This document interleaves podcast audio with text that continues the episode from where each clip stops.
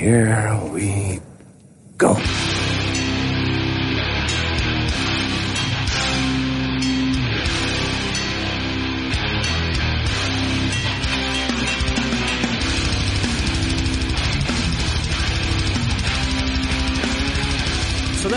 Avsnitt 104 av Nere på Noll podcast. Eh, Jag, Robin Lindblad, sitter här med Danne Nätterdal, Det kan du ge fan på. David Olsson Men också ger fan på. och ärad gäst i studion, Gabbe Cardena Salas från Stockholm. Hey, what up? What up? It's your boy, aka Hublo Chavez, aka Shit Guevara, aka Riff Lauren, aka Despacito Icon, aka Young Inca Cola. What up?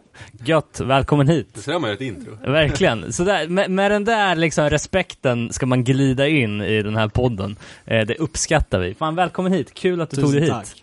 Alltid kul. Eller alltid kul, det är min första gång här. Ja, men du är ju Alltid kul alltid att vara i kul att bli Örebro. inbjuden. frekvent poddlyssnare och eh, vi har ju dig här i syftet att prata metalcore idag. Denna något Jajamän. bespottade eh, subgenre till metal, men också en del jävla guldkorn som vi ska gå igenom. Ja, älskad. Och framförallt, vilket vi har märkt tydligt när vi har funderat på veckans ämne, att det är en jävligt bred, bred genre. Det finns många stickspår. Men vi börjar som vanligt i feedback och förra avsnittet behandlar ju Baltimore. Och eh, det första som kom in där var ju från Henrik Norén. Han skriver 0% ka- hardcore-relaterat men höll på att sätta kaffet från Prem i halsen när Robin nämnde att Baltimore var en lugn och stilla stad.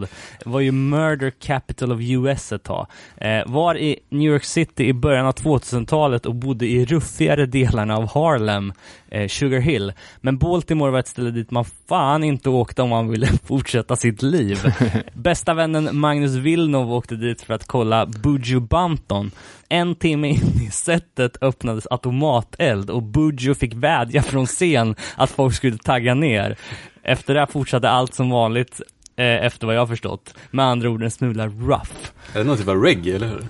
Ja, det är det. Ja, Legend. ja nej, jag, jag grundar ju mi- mitt, mitt eh, något eh, vrickade uttalande på vad jag hade fått upp på Google. Eh, lite kul eh, eh, nu så här, när jag, för jag, kollar bara för, första sidan på Google så här, det är liksom Visit Baltimore, Baltimore, the beautiful city, bla bla bla. Welcome to Baltimore, the compute, complete destination. Så gick jag till sida två, bara Gunman opens fire on West Baltimore cookout, killing one, injuring seven. Man bara okej, det är tur att jag kom på sida två. Ja, var det som hade merch där det stod Welcome to Baltimore Duck.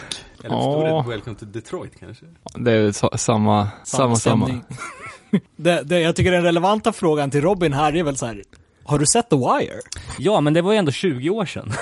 så att städat upp lite. ja, alltså, Ja men så här, nu kanske det är gentrifierat förvisso, men ja, så här, ja men alltså så här, för det var det jag tänkte att så här, ja The Wire, det var början av 2000-talet. Det har ju ändå hänt, alltså för oss så känns ju 2000-talet som igår. Och men... det är ingen dokumentär heller. Nej, exakt.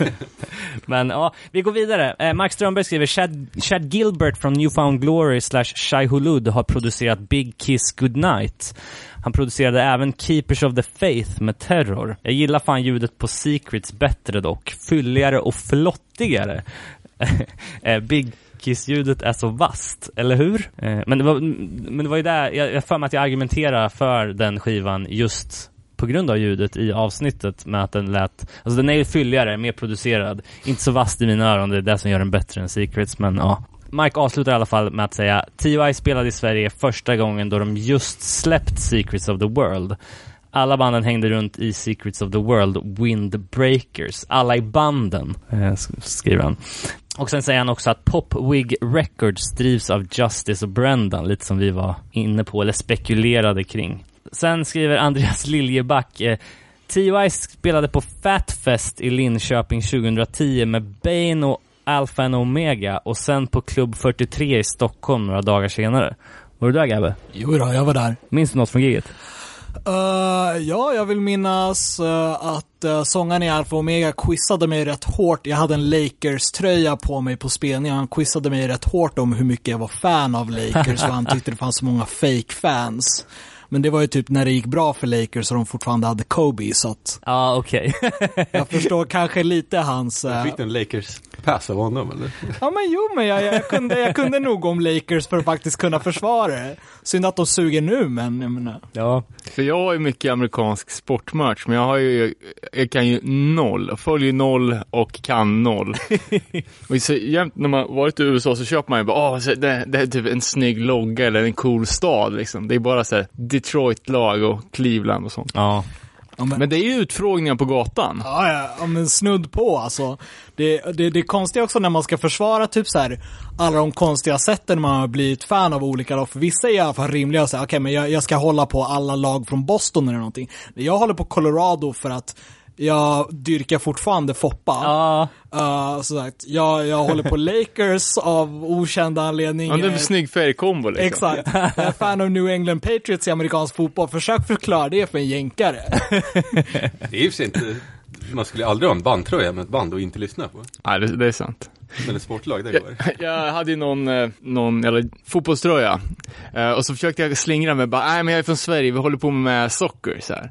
Bara, ah, tror inte den jäveln var sockerfan också. Bara, bara för att höra om belgiska landslaget som skulle vinna VM. Eh, Andreas fortsätter i alla fall att TY var även förband till Terror året innan i Köpenhamn. Eh, ang angående Baltimore så var jag där varje år mellan 09 och 16 på Maryland Deathfest och känslan som turist i stan var att det blev mer upprustat med åren. Första besöken kändes dock verkligen som man hade landat i The Wire. Det är inte en dokumentär, men en verklighetstrogen. Och eh, Mark minns den här 43-anspelningen också. Både Vogel och David Wood var mitt i pitten för Yes. TY. Även, även Sebbe Campbell som sjunger i Godmother var där i en banandräkt, vill jag minnas. Martin Egelius skriver, eh, det här var för övrigt andra gången som ni spelade Drunk at the UOT Reunion i podden. Huvudet på skaft, får säga. Vad sa du? Inte sista. Nej. och sen fortsätter den. Angående Daniel Fang så bör det tilläggas att han även spelar, har spelat i andra bra band, det vill säga Mindset, Peace och Praise. Angående Stout och Dirty Money så vill jag minnas att båda spelade på Ninja Fest i London 2005 eller 2006. Så de kär, lärde säkert känna varandra då. Fast det var ju Trapped on Rise som spelade med Dirty Precis. Money. Men, eh, Men det är samma, det är samma. Vi fick också en, en snabb shoutout kommentar på att A389 Recordings, att de har lagt ner jaha, för någon, något halvår sedan. okej. Tråkigt. Eh, han fokuserar väl på gitarrspelande integrity fullt ut nu. Mm. Såg ni att de har släppt foppatofflor? höll jag det. Flipflops. Vad fan, humidity is the devil, skrev de ju. Det var sig lite kul. Men de ska inte vara roliga. Nej. Jävla, först badlakan och, och nu det här liksom. Ja, nej, tråkigt. Eller Fick, köp dem. Nej, det går inte. Fan, må, någon, någon måste hålla stilen alltså. det var väl, var det några avsnitt sen, jag vet inte om det var när Hassan var här och snackade om hiphop eller någon gång i alla fall så pratade vi om Ebbot och hans eventuella eh, fyllor. Ja. Att han var ganska vild på fyllan. Eh, Tor skrev in, eh, jag jobbade som vakt på en svartklubb för några år sedan. Vid 03.30 någon gång kom Ebbot full som ett ägg, vägrade skriva sitt namn på listan utan ritade ett självporträtt istället. Efter typ 30 minuter hade han retat upp gästerna så mycket med sitt fulla svinande att han inte fick vara kvar. Så jag tog honom i kragen och så åkte han ut. Det är ändå ganska strångt gjort. Han är ju en bra stort. pjäs alltså. Ja. Sen skrev Krukapa på Instagram eh, lite sen feedback på hiphop-avsnittet. Angående Loop Troops har de ju kört med Beyond Pink. Eh, Ja. De gjorde ju en gemensam låt som var på Sveriges Radio. Sen så skriver han också att angående att Modern Day City Symphony skulle stuckit ut med anledning av klotter och rack racking eh, så körde även Bombshell Rocks grafflåtar där det även målades i videon. Just det. Och det är ju Västerås-kopplingen. Jag har för mig att de var Homeboys heter det väl. Använd aldrig det ordet igen. Han sitter och kokar. Eh, ja, fett. Det var, det var väl ungefär det jag hade på, eh, på feedback-fronten.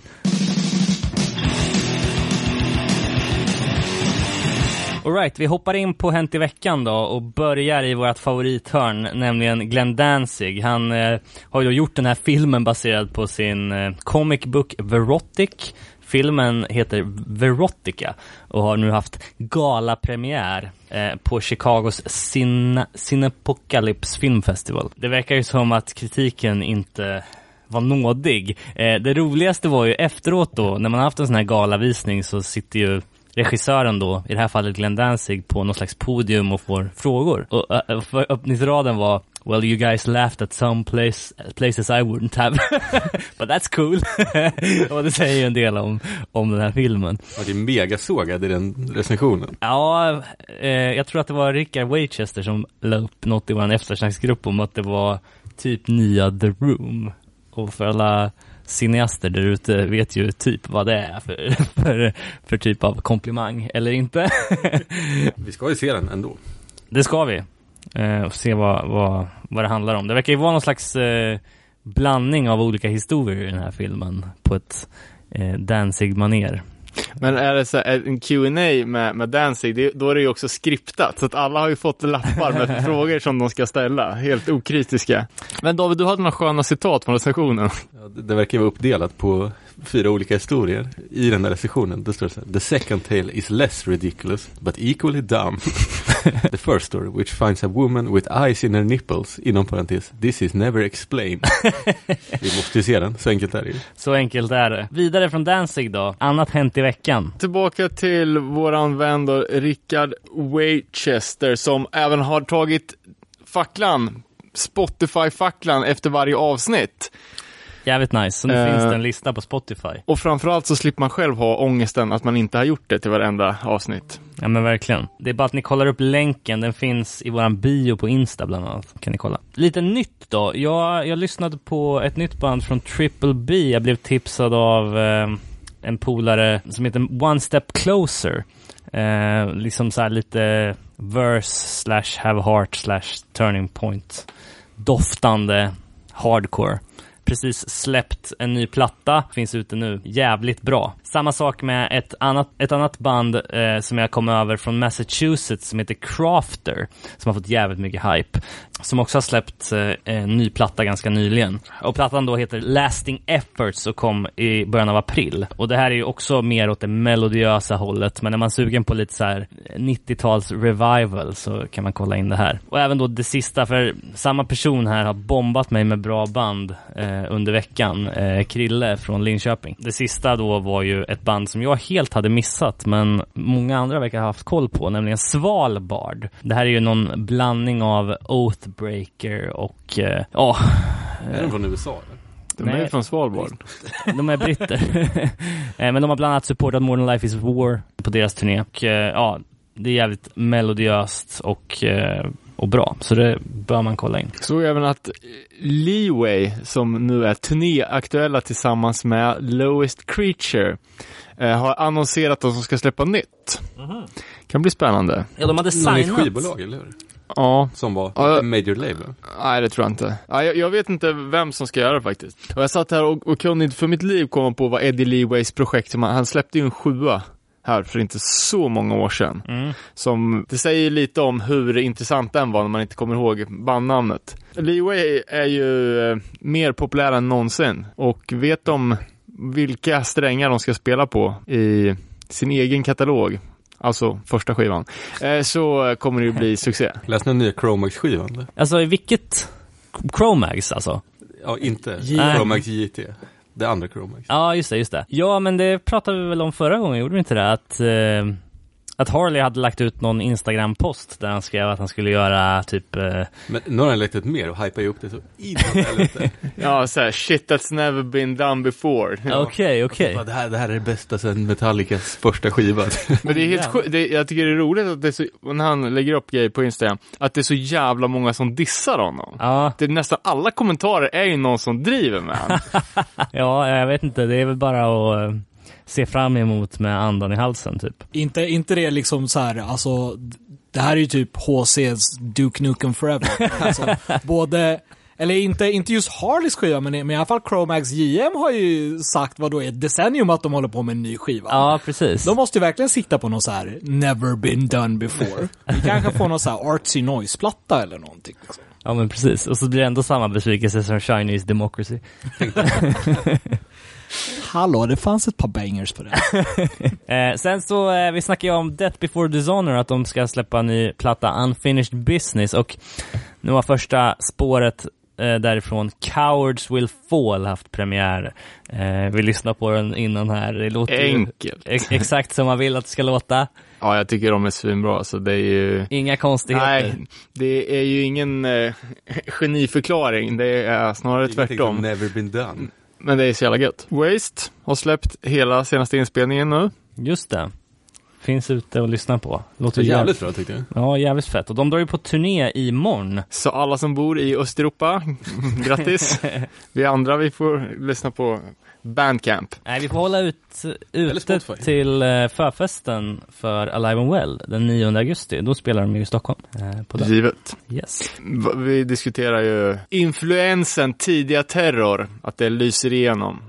Som de utlovade när vi intervjuade André och Fille var det va? För ett par månader sedan här, eller kanske var ännu längre sedan.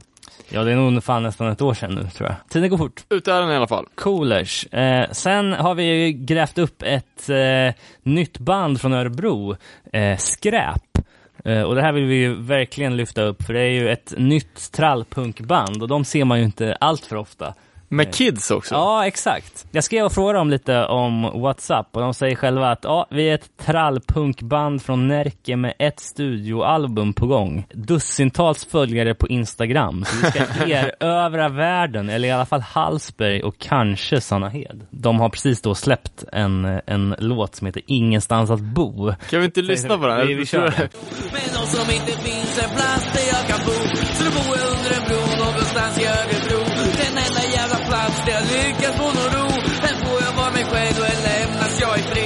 kostar ingenting för jag har ingenting att ge.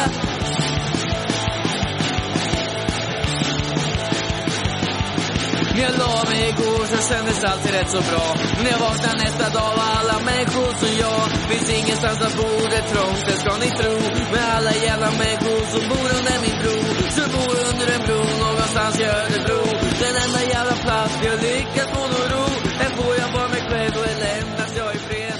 Det där var då Skräp från Örebro med låten Ingenstans att bo. Man blir glad. Man blir väldigt glad. Det är ju gammalt sound som man inte hör så ofta. Nej, eller hur? Jag, jag, jag lyssnar inte ens på trallpunk, men jag blev, jag blev glad. Alltså, så här, jag, jag, hopp, jag hoppas de har jävligt kul framöver med att typ eh, få någon att köpa ut bärs åt dem och så här, ta, ta, ta li, små slattar ur föräldrarnas uh, spritskåp. Ja, men exakt. Nej, men asfett. Eh, mer, hänt i veckan. Ja, Rick Life hade varit en hjärtattack, så ni det? det är många medicinska åkommor på den mannen. livesändaren från ER, eller? Jag vet inte, han la väl upp på Instagram att han hade fått det. Typ. Nu ska jag bli nyttig.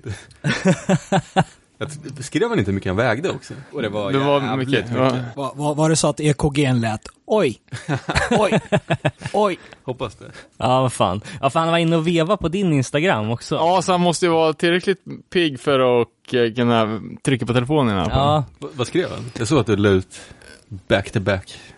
Back to Basics-katalogen. Ja, nej men jag skrev, jag skrev typ att allting var OG och DIY och ja, typ som vanligt for real typ. otydligt. men eh, vad fan, är det någon som har något mer hänt i veckan? Eller? Ja, Jag har bara noterat att eh, bandet med det fantastiska namnet Berthold City har släppt nytt. Eh, Jag har inte hunnit lyssna på den än dock, så det kanske inte var så mycket att gå in på. Ändå kudos att välja namn efter ett typsnitt, alltså någonstans. Alltså är det där det är? Ja, det är, det är ett typsnitt. Det, det är något så här typsnitt som också är väldigt så här använt inom just så här youth crew. Jag kommer inte ihåg hur det Aha. ser ut. Men, men kudos, alltså så här, okej. den gamla designern i mig blir lite varm i hjärtat. Ja, men vad fan. Är vi nöjda så kanske med Hänt i veckan? Och eh, vi går väl rakt in i metalcore.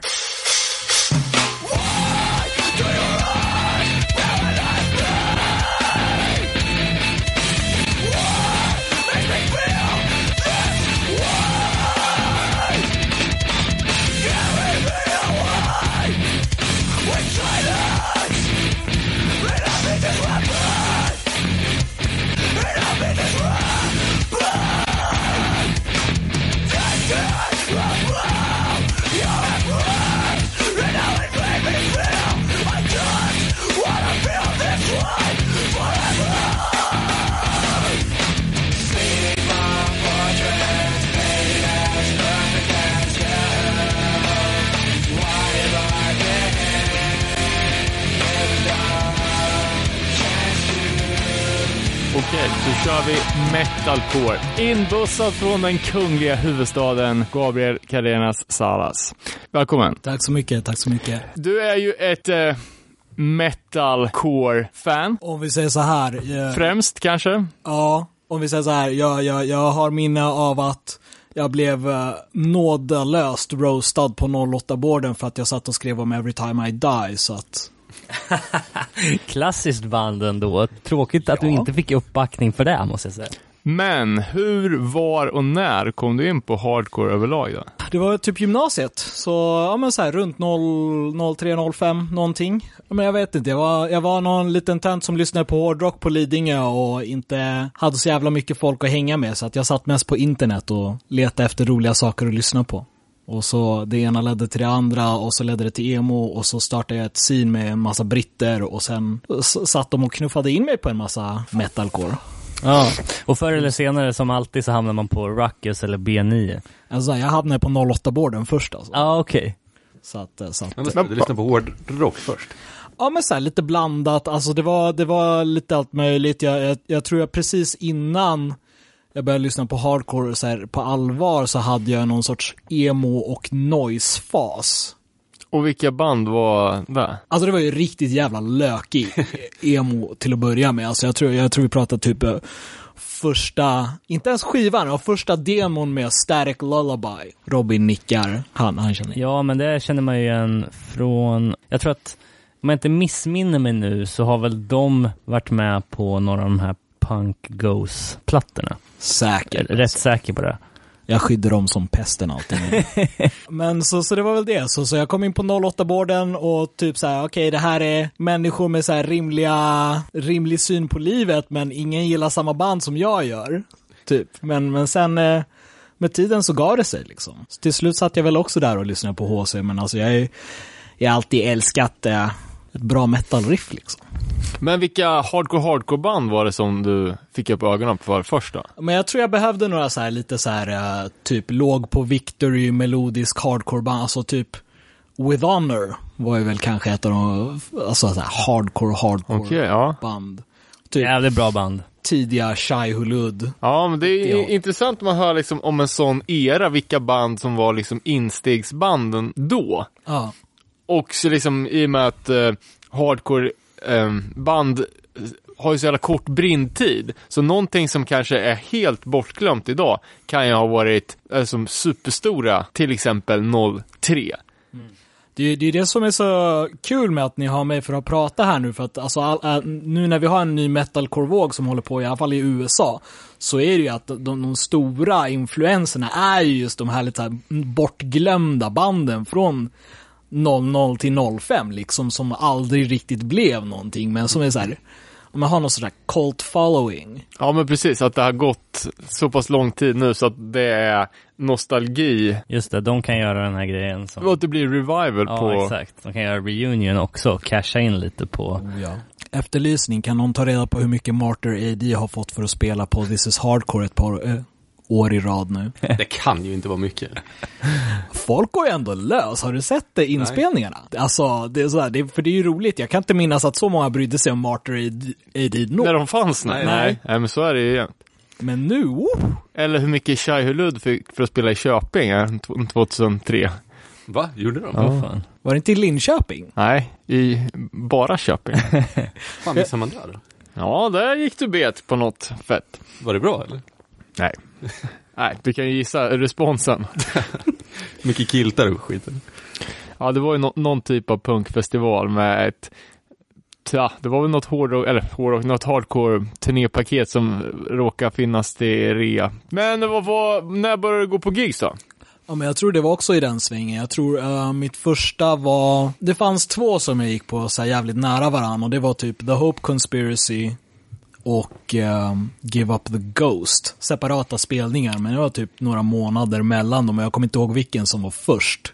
Ja, men det är ändå, det måste ju ha varit jävligt bra spelningar. Jo, det, det vill jag minnas. Och, och vad, vad tänkte du liksom, vad hade du för förkunskap om hardcore-spelningar? Du hade sett allt live, först, eller YouTube. Ja, men lite liksom så här. Jag, jag, jag visste ju att det, det skulle väl inte gå till Eller så här, det var inte som att gå på klubben och, och se något annat. Och jag, någonstans där omkring så, jag tror jag såg Lost Prophets eh, på klubben någon gång. de, eh, kring de åren också. Och eh, det var ju liksom, det var inte samma upplevelse. Och vi behöver inte prata så mycket om att jag tyckte om Lost Prophets. Vi vet ju alla vad som hände med, var det sångaren? ja, Ja, Ian Watkins. det är bara att googla. Ja, och för oss som inte orkar, vad hände vad? Nej, Han är pedo. Peddo. Och tydligen, ingen annan i bandet visste heller för att han reste helt jävla separat och allting.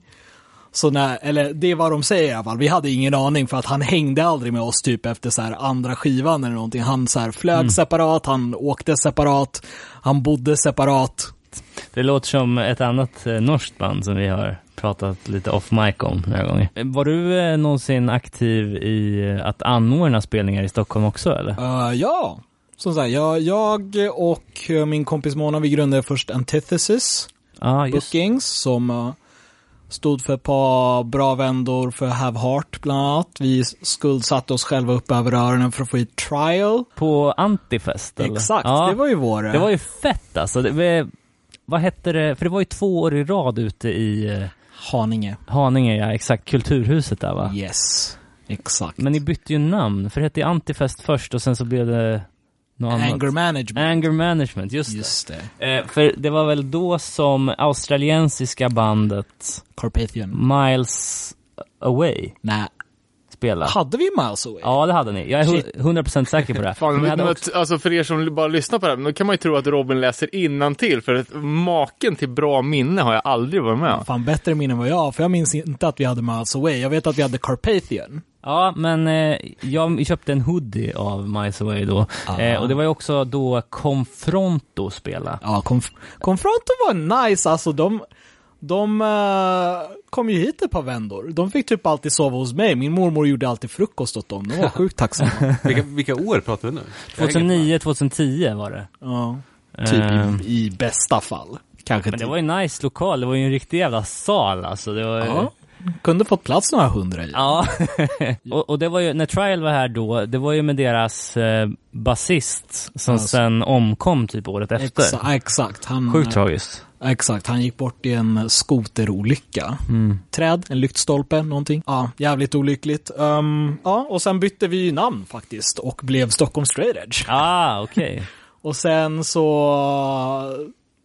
Ja, Mona flyttade till Wales för att plugga och jag bestämde mig för att lämna ett par år senare. Så, så att det var väl slutet på min, eh, mitt bokande. Jag är fortfarande skyldig min morsa pengar så att... Sen har du lirat med ett band som vi diggar jävligt skarpt, det var ju War Nerve Yes. ett par år sedan. Och har nytt band på gång nu. Alltså jag, jag har ju två projekt nu. Det ena är, jag, jag känner jag måste plugga Cartesian. För de av er som gillar, eh, ja men som sagt, metalcore, math och Death Heaven. Snälla gå in och lyssna på oss. Vi behöver det. Eh, sen har jag ett eh, nytt, eh, än så länge hemligt projekt som jag hoppas kunna avslöja de närmaste månaderna. Fett. Och sen så var det Warner förstås. Spelar du också i Played Out? Yes! Det gjorde du? Ja, shoutout till Alex om, om hon lyssnar. Eh, bra gammalt band. Eh, men var väl aktivt typ ett par år där i början av 10-talet. Ja, exakt, exakt. Jag sjöng, eh, sen flyttade jag till London och lämnade över. Sen vart det inte så mycket mer med det. Men sist då, när du var på tal i den här podden, och det, det känns ju som att du, att du tänker ganska mycket på så här moralfilosofiska grejer, stämmer det? Jag fick ju, jag fick ju socialismen med barnmaten. vad ska, vad ska man säga? Så, vi har alltid varit någon snabb, snabb recap.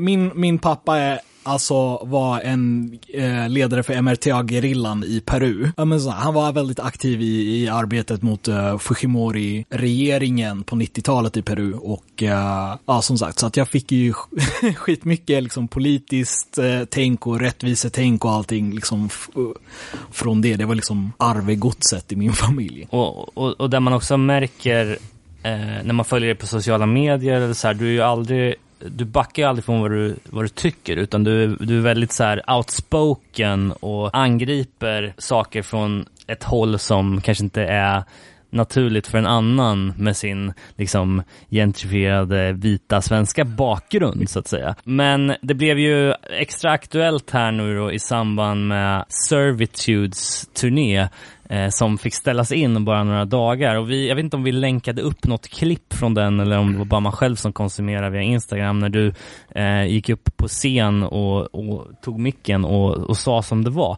Vi kanske ska sätta in lyssnarna i ett sammanhang också kring Servitude och vad som hände där egentligen.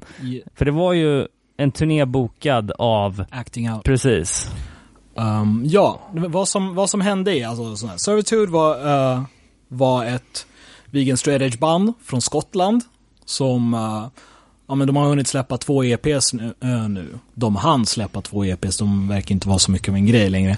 Men de hann släppa två EPs och de skulle komma hit och turnera i Sverige.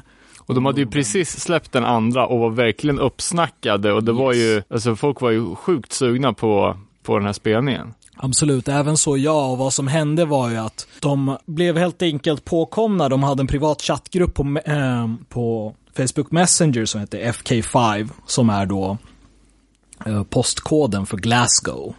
Eh, alla postkoderna för Glasgow börjar på FK5.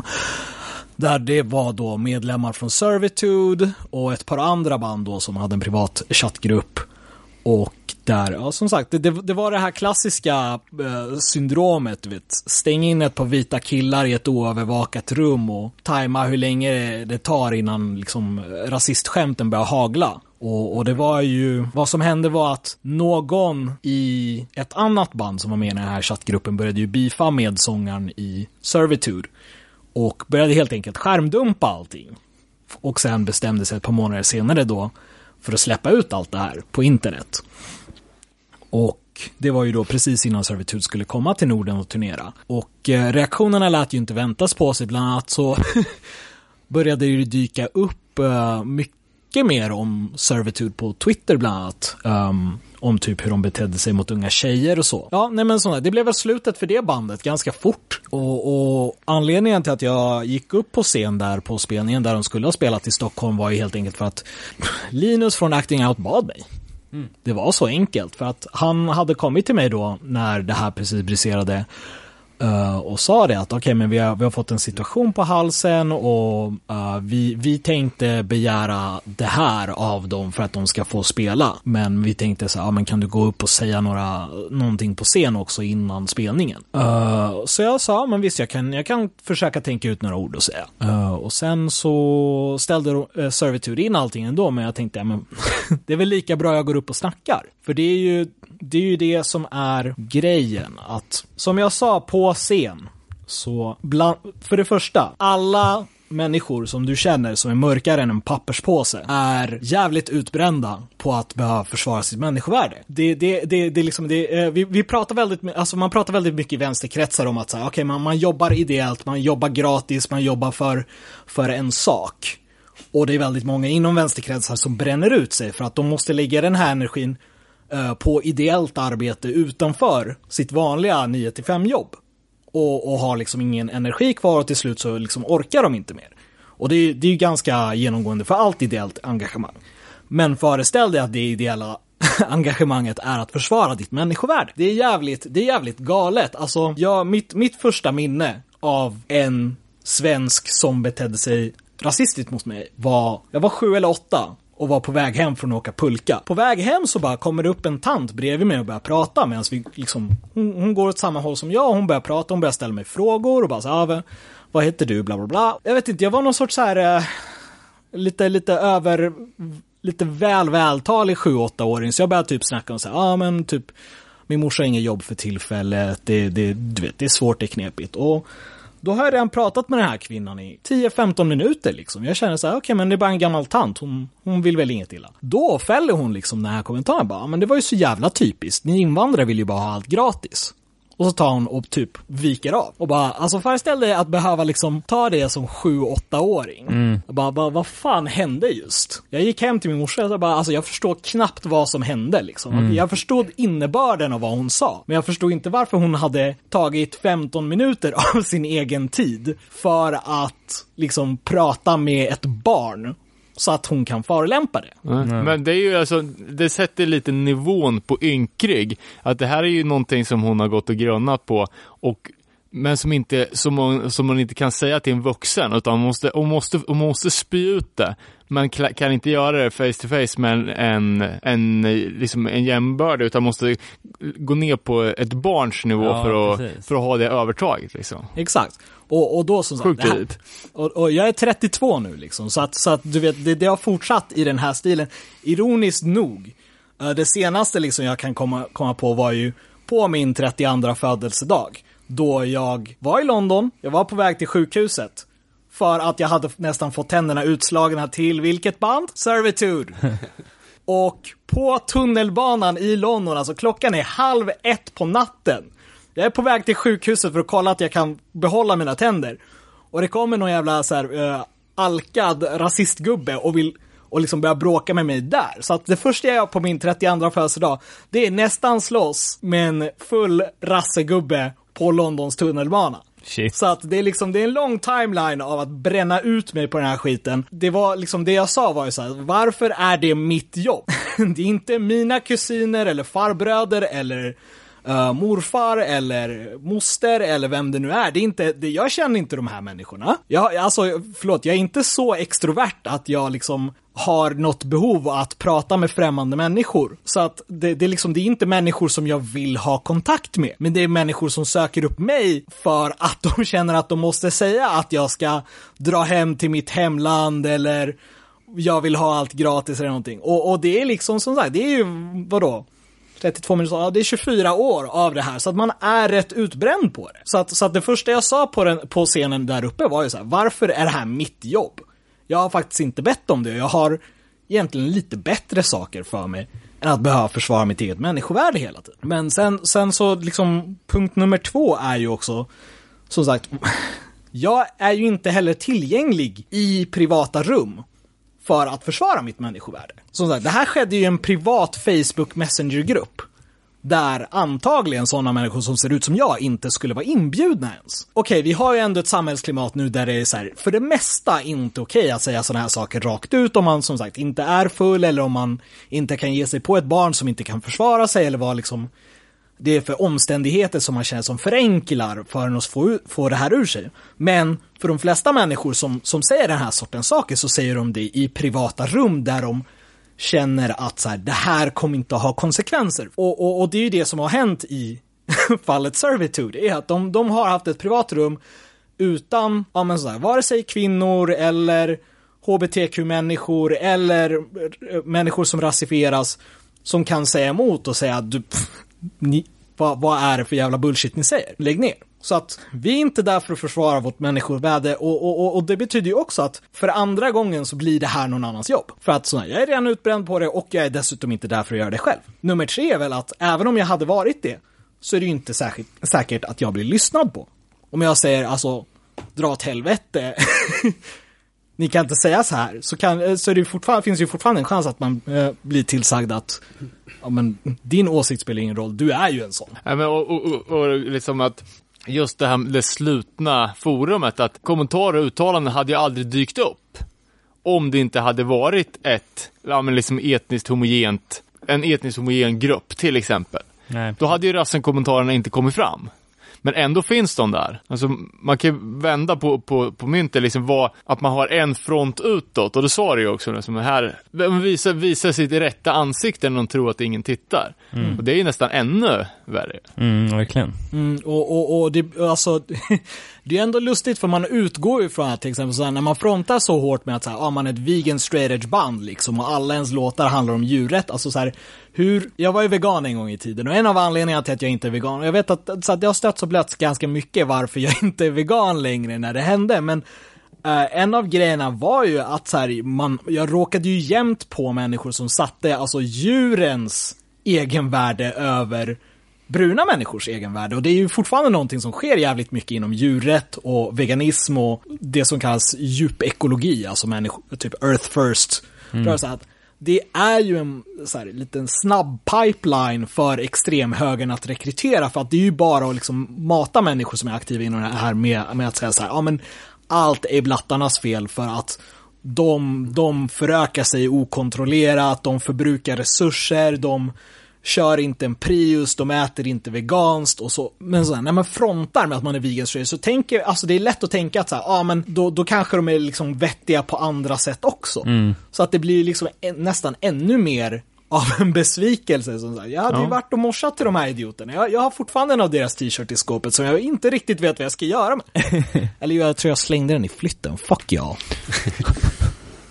Nej, men, men precis, för att eh, även fast vi har haft ett eh, specialavsnitt om eh, nazi-tendenser och ren, ren liksom, nazi-hardcore-band, så finns det, det är inte så jävla många åtaganden man behöver göra för, för att vara en del av hardcore-scenen. Men det finns ju några väldigt tydliga gränser och det är ju liksom att rasism är inte okej någonstans. Så det blir ju, det blir ju jävligt, en jävligt, alltså vad, vad tror, inte bara Servitude utan alla de här nazi straight edge banden som vi snackade om tidigare. Vad tror de att de kan ta sig in i hardcore med de värderingarna? Alltså hur, hur, hur, hur resonerar de då? det, alltså det, det är ju, alltså en sak jag lärt mig nu när jag varit aktiv inom hardcore i liksom, ja, men runt 15 år är ju att så här, alltså, jag vill inte låta typ besviken, men, men jag tror, jag tror man måste minnas att så här, ja, hardcore är ändå någon sorts så här mikrokosmos av samhället i stort. Med tanke på de tiderna vi har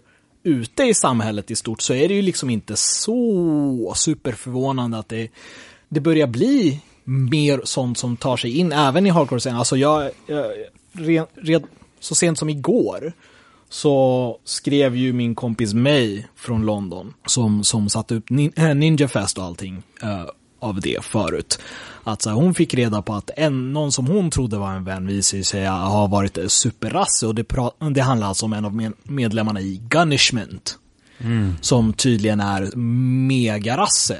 Det fick ju jag höra när jag länkade en av deras videos i, jag minns min morsgruppen, eh, för några månader sedan. Eh, men det är också så här, ja det är mycket som är vedertagen information om man hänger i en viss krets. Eh, men eh, det når inte en annan som bor ute på landet. Som bara jag- gillar jag- den tuffa gitarren? Nej, exakt. Ja, men jag hade inte heller någon aning om det. Om jag ska vara helt ärlig. Alltså, så, som sagt, jag, jag fick inte reda på det förrän du la upp den där videon. Nej. Och som sagt, och det, det, liksom, det hamrar ju hem poängen ännu mer. Som sagt, mig då trodde att det här var en vän till henne och någon som alltså kommer och hälsar på henne på spelningar och frågar hur hon mår och allting. Men sen så visar det sig att han, han hatar muslimer tydligen. Och mig är hon muslim? Ja, mig är... eh, Hassan? exakt. Mig är Hassan, brittisk muslim. Men det är också en annan grej som vi, vi har gjort mycket de senaste 20 avsnitten. Det är ju till och från diskutera hur pass liksom, ja men, att om man jämför hardcore-scenen med andra scener så har vi ändå sagt att ja men det finns, det finns en liksom högre acceptans, det finns liksom, vad ska man säga, att hardcore-scenen till skillnad från technoscenen eller vad som helst att ja men hardcore-scenen känns inte så homofobisk, känns inte så rasistisk, liksom andra typer av värderingar. Men då har vi ju trots allt alltid i varenda sammanhang vi har pratat om det så har vi varit fyra vita män som har suttit och pratat om det. Så det är intressant att se vad du har för reflektioner kring det efter liksom 15-20 år i scenen. Ja men alltså jag, jag vet inte, jag kanske är mer av en pessimist. Jag vet inte, eh, det har ju det har ju alltid funnits för mig på ett eller annat sätt. Alltså jag menar, jag kan ju fortfarande inte diskutera One Life Crew med folk för att det är ingen som vill ta till sig av den kritiken att eh, det är ett jävligt lökigt band med jävligt lökiga och pissiga värderingar som skriver en text om att de hatar mexikaner. Och sådär. Det, är inte en debatt som har gått att ha i svensk hardcore för att det är fortfarande, ja ah, men shit det är ett så jävla bra band. Nej, men det är ju, det är ju verkligen eh, jävligt skumt att det kan ha, liksom, det är ju ett älskat och hyllat band, trots allt. Men, men jag tycker i allmänhet, alltså så här, det här med värderingar, jag vet, jag vet inte, det känns lite som det har släppt på något sätt. Jag, jag, tänker, jag tänker på en annan grej, alltså det här med, med det konstanta jävla knarkandet som jag tycker är norm 2019 nu. Alltså, förlåt, men för tio år tyckte jag inte det var så. Okej, Okej, jag, jag, jag har ju hört mina, min beskärda del historier om Fury Styles, weedrökande och, och sånt. Men alltså jag har ändå tyckt att det är typ kutym i Sverige i svensk hardcore att typ så här, ja men alltså det är inte så jävla nice att knarka, men alltså nu, nu är vi där och nu känns det som att okej men det här, det här är också typ eh, lite av en partyscen. Att så här, man kommer hit, man drar några år, man, man drar i sig det ena och det andra och sen så går man vidare till nästa grej liksom. Och, och jag tycker det är jävligt synd i största allmänhet alltså. Jag vet inte, det, det, det var väl lite det som gjorde att jag blev pepp att säga, okej men det börjar komma grönsaksmangel igen och det börjar komma, så, så att vi kan börja prata värderingar.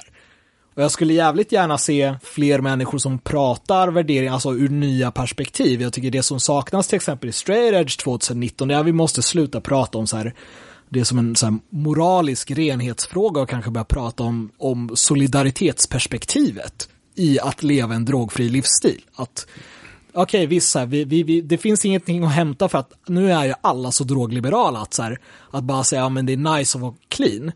Det, det, liksom, det säger inte folk så mycket längre, men, men, men det hade ju varit trevligt att kanske prata om det faktum att så här, uh, typ Amazonas blir förorenat av kokainproduktion eller att det har liksom dött 700 000 pers i kartellkrigen. Det är, liksom att det, det, det är människor som ändå får betala för att ni ska behandla det här som en partyscen. Mm. Eller ta det till en närmare kontext.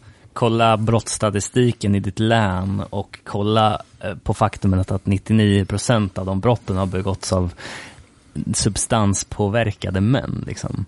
Vill du vara en del av det? Ja, men det är ju någonting som, som straight edge-falangen pratar väldigt lite om. Ja. Liksom mer att det är en, en, en, personlig grej eller... Men vet du varför det är så? Nej. Därför att det är så stigmatiserat. För att så fort du frontar att du är edge i eh, ett rum som liksom inte är hardcore, då blir du en... Då blir det man... ju så jävla mycket i ögat ja, på vissa. och då, liksom det går inte att ha en... Jag skulle aldrig kunna gå på en fest och liksom fronta att jag inte tycker om folks beteende liksom på det sättet.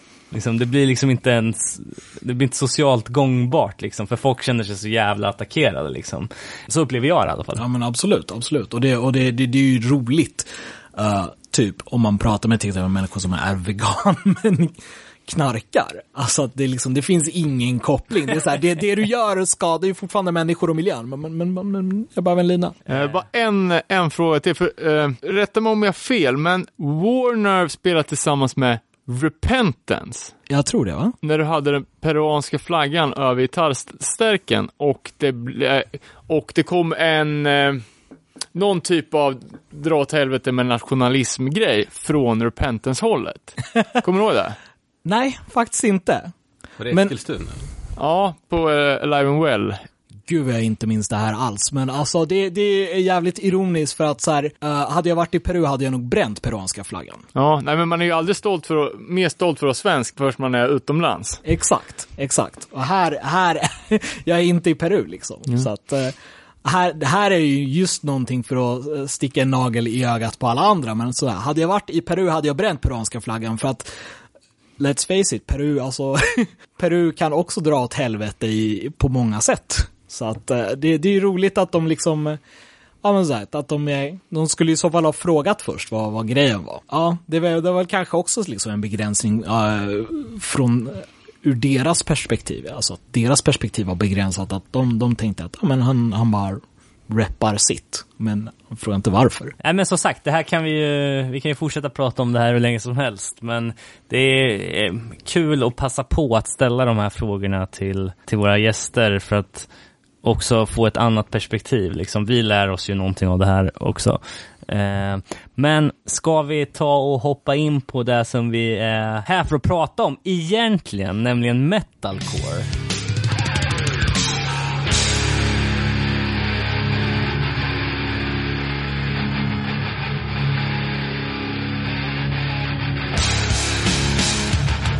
Ja men cool, vi ska snacka om metalcore och eh, vi börjar väl med att fråga oss eh, vad har vi för egen personlig relation till den här genren? Eh, det är inte som att man föddes med en metalcore-platta i käften direkt, men för min egen del så tror jag att det började när jag var 19, 18-19, 2005. Parkway Drive släppte Killing with a Smile.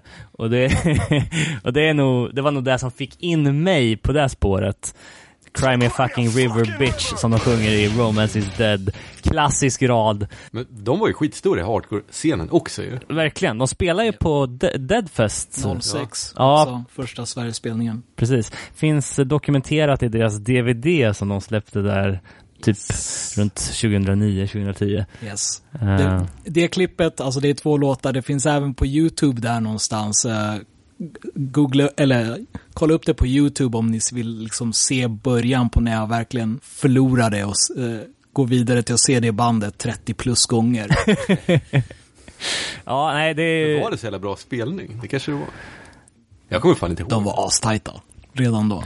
Jag har alltså- sett dem spela fel en gång av över 30. Men de har ju alltid varit så jävla tajta och så, så jävla tunga också. Jag eh, hade... De som hade lite såhär surf-vibes. ja, men de är Ja, australiensare. exakt. så de Det kommer med jobbet. långhåriga surfsnubbar liksom. Jag kan rekommendera att se den där eh, när de dokumenterar sin första Europaturné. De har liksom spelat för sold out arenas i Australien liksom. Och så kommer de till Europa och så kör de minivan-svängen och spelar för 30 pers i Polen liksom och sover utomhus. Och... Frågar om de får hoppa på spelningar. Typ. Ja, exakt. Eh, jävligt intressant. Danne, vad, hur kom du in på metalcore eller? Ja du. eh, nej men alltså jag kom ifrån, jag var ju metalhead från, från början, så jag har alltid gillat det hårda. Sen när man upptäckte punken så var ju liksom själva, alltså det textmässiga som, som tilltalade mest. Jag hade ju fortfarande en dragning mot the heavy shit. Eh, sen ett band som, som började kombinera det här, alltså det var ju typ Earth Crisis var ju ett band man började lyssna på jävligt tidigt i sin hardcore-karriär. Ehm, och jag har ju många, alltså, många av mina liksom go-to favoritband som jag har lyssnat på liksom i fan 25 år liksom, är ju metal core, eller metal, hardcore. Det originalbegreppet liksom typ all out war till Ja, exempel. precis. Men annars så har jag lyssnat så jävla mycket på, alltså, den här genren och begreppet är ju så jävla brett. Och eh, vissa saker gillar jag som fan. Till, till exempel den stilen som vi kallar för grönsaksmangel. Mm. Diggar jag som fan. Jag har ju lyssnat sjukt mycket på beatdown mina dagar. Den stilen är jag också inne på. Det som kallas för edge metal. Belgisk, oftast dödsmetall-influerad hardcore. Men äh, ganska mycket som är däremellan, alltså allt från 2000-talet typ är ju helt utanför min realm. Ja, jag lyssnar jävligt mycket på väldigt selektiva grejer. Så. Jag har aldrig tänkt på, eller när jag tänker på metalcore, då tänker jag ju på I Lay Dying, typ. Mm. Jag har aldrig tänkt på Earth Crisis som metalcore, eller Hatebreed, eller... Nej, det, Det är metal hardcore. Ja, det, det skulle jag väl också vilja säga att, eh, eh, så det är skillnad på metal-influerad hardcore. Jag, jag tror grejen är väl att alltså, de där begreppen har alltid varit svåra att hålla isär. Och Jag, jag, jag har många minnen av att behöva förklara band för folk och bara, ska man säga att det är metalcore eller ska man säga att det är metal hardcore? Men då har jag ju bara varit en liten orm och sagt det jag trodde skulle tas emot bäst. Smart. Metalcore är ju lite, lite negativt laddat, eller? Ja men det har ju, alltså det har ju blivit något helt, något helt annat. Alltså om vi ska backa, backa bandet så, alltså ett av de första banden som, som beskylls, höll jag på att säga, men så, som liksom säger bara att, som, var, som tog metal till hardcore. Och det är ju Chromags och of Call då, som, eh, som, som enligt Harley eh, skrevs redan 1982. Alltså då har ju hardcore typ funnits som begrepp i ett år, typ. Ja. Och ja, det är tre år, eller fyra år sedan Nervous Breakdown, skulle jag säga. Eh, Så att det har väl alltid funnits. Som vi snackade om eh, Agnostic Front, liksom, Agnostic Front-avsnittet, att 86 typ så började massa band, speciellt i New York, flörta med crossover thrash-scenen med, med Nuclear Assault och Crumbsuckers och hela, att den biten började fu- fusiona in i, i hardcore. Och sen dess har väl typ allt mer eller mindre varit influerat av metal och punk inom hardcore. Men för mig så är ju liksom den stora, den stora skillnaden mellan metal och hardcore, det är inte det ljudmässigt, mm, ljudmässiga, utan mer alltså, vad ska man säga, det ideologiska. Att eh, för mig är det ganska stor skillnad på hardcore och metal, vad fan ska jag säga, mentaliteten och hela approachen på alltihopa liksom. Mm. Jag, jag, jag, säger, jag, kan, jag säger så här, jag, jag tror inte att ett metalcore-band eller, eller någon sorts band som känner någon samhörighet med hardcore skulle spela in en demo för 60k och med en, med en så här bra metalproducent för att bli upptäckt av ett skivbolag. Jag, och jag har hört talas om liksom metalband som har gjort det. Jag, jag, jag tror det, liksom, det ligger en viss skillnad där, alltså som, som någon som spelar i ett metalcore-band som hardcore-scenen inte riktigt vill ha med att göra, så har jag, alltså, jag har ju blivit tvingad att liksom sätta mig in lite i det som, alltså den moderna svenska metalcore-scenen. Och det, det är ju väldigt mycket, det, det saknas lite DIY-anda i den, att det är väldigt mycket, vi startade ett band, vi spelade in en skiva som låter asbra, gå in och lyssna på den och sen så händer det inte så mycket mer. Eller vi spelade in en video, här, kom, kom och kolla på den och sen så händer det inte så mycket mer. Det är liksom, det är ingen som drar ihop andra band för att spela tillsammans eller så, utan det är liksom, man sitter och väntar lite på att ett skivbolag ska höra av sig eller att någon som sätter upp en festival ska höra av sig. Eh, eller man skaffar en bokningsagent som fixar en Tysklandsvända åt en. Liksom. Ja, men precis. Inte spela i en källare för 20 pers. Det, Exakt. det, händer- det händer ju inte. Nej, Och, och det var det jag lite så jag skulle komma till också, att liksom begreppet metalcore har blivit någonting som är egentligen utanför hardcore-scenen. Och alltså de senaste, ja, nu är det inte purfärskt längre, det är till och med att metalcore, det som, eh, det som var den scenens storhetstid har ju, är ju redan passé. Men då var ju det så mycket större än, än vad hardcore var. Vi har liksom som band som engelska Bring Me The Horizon som, som ja, nu släpper de ju på Epitaph och har ett helt annat sound. Men de spelar ju liksom stenhård metalcore, men ändå Det, det säljer, skiva är ju fan metal bara. det, det, säljer, det säljer ut arenor och de har haft första plats på Billboard, så 100 miljoner visningar på deras YouTube, eh, på deras musikvideo liksom. Så att det här har ju blivit en, en eh, parallellscen eller vad man ska säga, det är en, en helt annan grej som är mycket större än vad hardcore metal är. Och, och just därför blir det ju också lite att man kanske inte vill kalla sitt band ett metalcore-band om man kommer från hardcore. Nej, och det är också en genre som jag skulle säga populariserades i mainstream under alltså mitten, slutet av 2000-talet. Alltså i, i, i samband med att 90-talisterna gick in i musiksvängen liksom. Ja. För, för så många band som det kom från 2005 till 2011 liksom och bara helt liksom tog över konversationen, eh, liksom införde en, ny, en helt ny estetik i form av så här riktigt så här blänkande, skrikande merch och tog över eh, gamla punkfestivaler som Warp Tour och gjorde det till sin liksom. Det blev ett skifte på något vis. Och- Ja, men, men red, redan, alltså backa bandet till slutet på 90-talet, så, alltså i svallvågorna av nu metal, kom det ju band från, som kom från hardcore-hållet, men som började anamma det soundet också, och som blev skitstora, typ Shadows Fall och eh, Killswitch Engage och, och liknande. Ja, just det. Man hör ju ibland till exempel band som Hatebreed säger liksom att hardcore metal, punk, it's all the same. Men för mig så är det ju, jag skulle nästan säga att även om ljudet är snarlikt, så att hardcore och metal är liksom nästan antiteser till varandra. Eh, just det här så, ja men liksom själva eh, DIY mot Major, det är ju nästan liksom eh, absolut det som gör hardcore och punk framförallt mest unikt är ju liksom DIY-mentaliteten och sättet att jobba på. Just att det inte är beroende av någon annan, utan man, man gör sitt eget skit liksom. Och är helt nöjd med det. Eh, och sen liksom eh, att, okej, nu, nu tycker man ju att uh, Turnstile till exempel är världens största band. Och man har ju någon sorts eh, illusion att hardcore är, är någonting stort.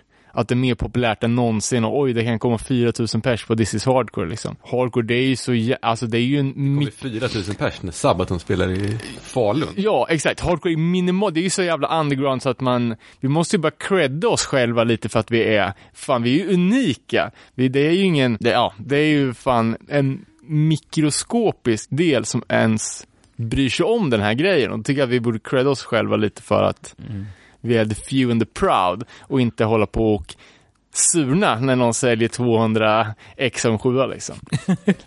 Men alltså, jag, jag är benägen att hålla med eh, dig, för att just när vi pratar om fenomenet metalcore, i, vad, jag, vad jag tänker är att så här, alltså många band som, som man kanske vill se ner på idag är ju på vissa sätt lite offer för sin egen framgång. Jag tror inte någon egentligen eh, inte håller med om att typ de första två Parkway Drive-skivorna är deras bästa. Alltså det, det kunde ju inte ha hänt riktigt utan HC-scenen. På ett sätt så har det ju blivit att säga, okej okay, men det, det, det, var, det var bra tastemaking av en liten DIY-scen. Och, och, vad som har hänt tycker jag är ju att det har skett någon sorts så här subkulturell kolonialism. Att ett band blir för stort och då kommer uh, metalskallarna in och, och claimar det som sitt eget. Uh, och, och, och, det är så här, det är klart, jag har haft andra tankar om att så här, hardcore är ju kanske också därför inte så jävla ekonomiskt gångbart egentligen. Alltså det... Nej, det är ju det är ingen bra affärsmodell. ja men om, om ett band liksom så här uh, får valet, så okej, okay, ska vi spela in för 5-10 tusen pers på en festival eller ska vi spela för 100 pers på en liten klubb? Så alltså det är ju inte jättesvårt val egentligen om man verkligen brinner för att spela musik. Alltså DIY är all ära. Etiken och den moraliska frågeställningen är all ära, men tyvärr så har ju alla räkningar att betala. Ja, och det, och det är liksom en, en sak som, som var liksom där när hardcore och metal möttes i New York var ju att de spelar på samma ställen, drog mycket publik, men de banden som kallar sig hardcore fick en tiondel i gage. Sparade de ut hår och sen så sa att de var ett rockband eller någonting. Då mm. kunde de helt plötsligt ta ut mycket mera, mycket mera för samma sak. Mm. Men det är det som är så kul också när man ser att band som kommer ur hardcore-scenen breakar, blir stora metalcore-band som drar runt på festivaler och sådär ändå ger sin cred till var de kommer ifrån. Typ exempel då Killswitch Engage som lirar på This is Hardcore 2014 mm. eh, och alltid rockar någon form av Bad Brains merch på scen när jag de lirar. Jag såg fan Killswitch Engage live en gång i Stockholm. Då hade jag en American Nightmare-tröja. Då typ sångaren, eh, jag typ såg bara, fan står han och pekar på? fan, det är mig han pekar på. Så han typ, American Nightmare, great fucking band. Han, han är en ökänd trevlig kille. Men jag, alltså jag, jag håller med, jag har tänkt på det där ganska mycket och typ så här, jag skulle ju kanske vilja credda ett band som annars är så jävla okredit och det är Acacia Strain, mm. som i princip alltid har HC-band features på alla sina skivor. Mm. Där det alltid är någon från något litet jävla HC-band som egentligen ingen bryr sig om. Som bara, ja men vi gillade ditt band, här kom och gästa på oss så kanske det är några så, uh, fler som lyssnar på er liksom. Och det kör de på i princip varje skiva. Kudos till er, ni, liksom, de vet vart de kom från. Ja men verkligen. Annat exempel, Set Your Goals, ett av mina favoritband, slänger in Turmoil-sångaren på en banger på andra plattan efter att de breakat Satan med första liksom. Mm. Men liksom också det här med att breaka Satan, att Nej, äh, men det blir så här, ett band blir för stort för hardcore, eller att hardcore är så jävla snabba och vända ryggen till band som, som det går lite bra för. Det var som vi snackade om. Och prata om att sälja ut. Ja, men vi, vi pratade om Incendiary här alldeles nyss. Och att deras eh, spelning på This is Hardcore, att det kom upp ett klipp häromdagen när det var sån jävla pepp. Och rent instinktivt i huvudet så tänkte jag bara, oj, gillar folk dem fortfarande? Men de turnerar ju. Fast det är väl det som är grejen, de turnerar inte så mycket. Alltså de kör så här, eh, jag tror de är nere på typ lira några festivaler om året just för att de kan inte turnera. Så att det har ju passat som handen i handsken för ja. dem, att folk är så jävla peppade på dem att de åker någonstans för att se, ja men så här, Incendier ska spela här. Mm. Ja, men känn på den här då, då, då alltså, att, jag, jag tror alltså att de inte är populära inom hardcore-hardcore-scenen längre för att jag tror att de turnerar. Hur, hur mycket krävs det egentligen för att ett, ett band ska sälja ut i min bok? Alltså, det är fan...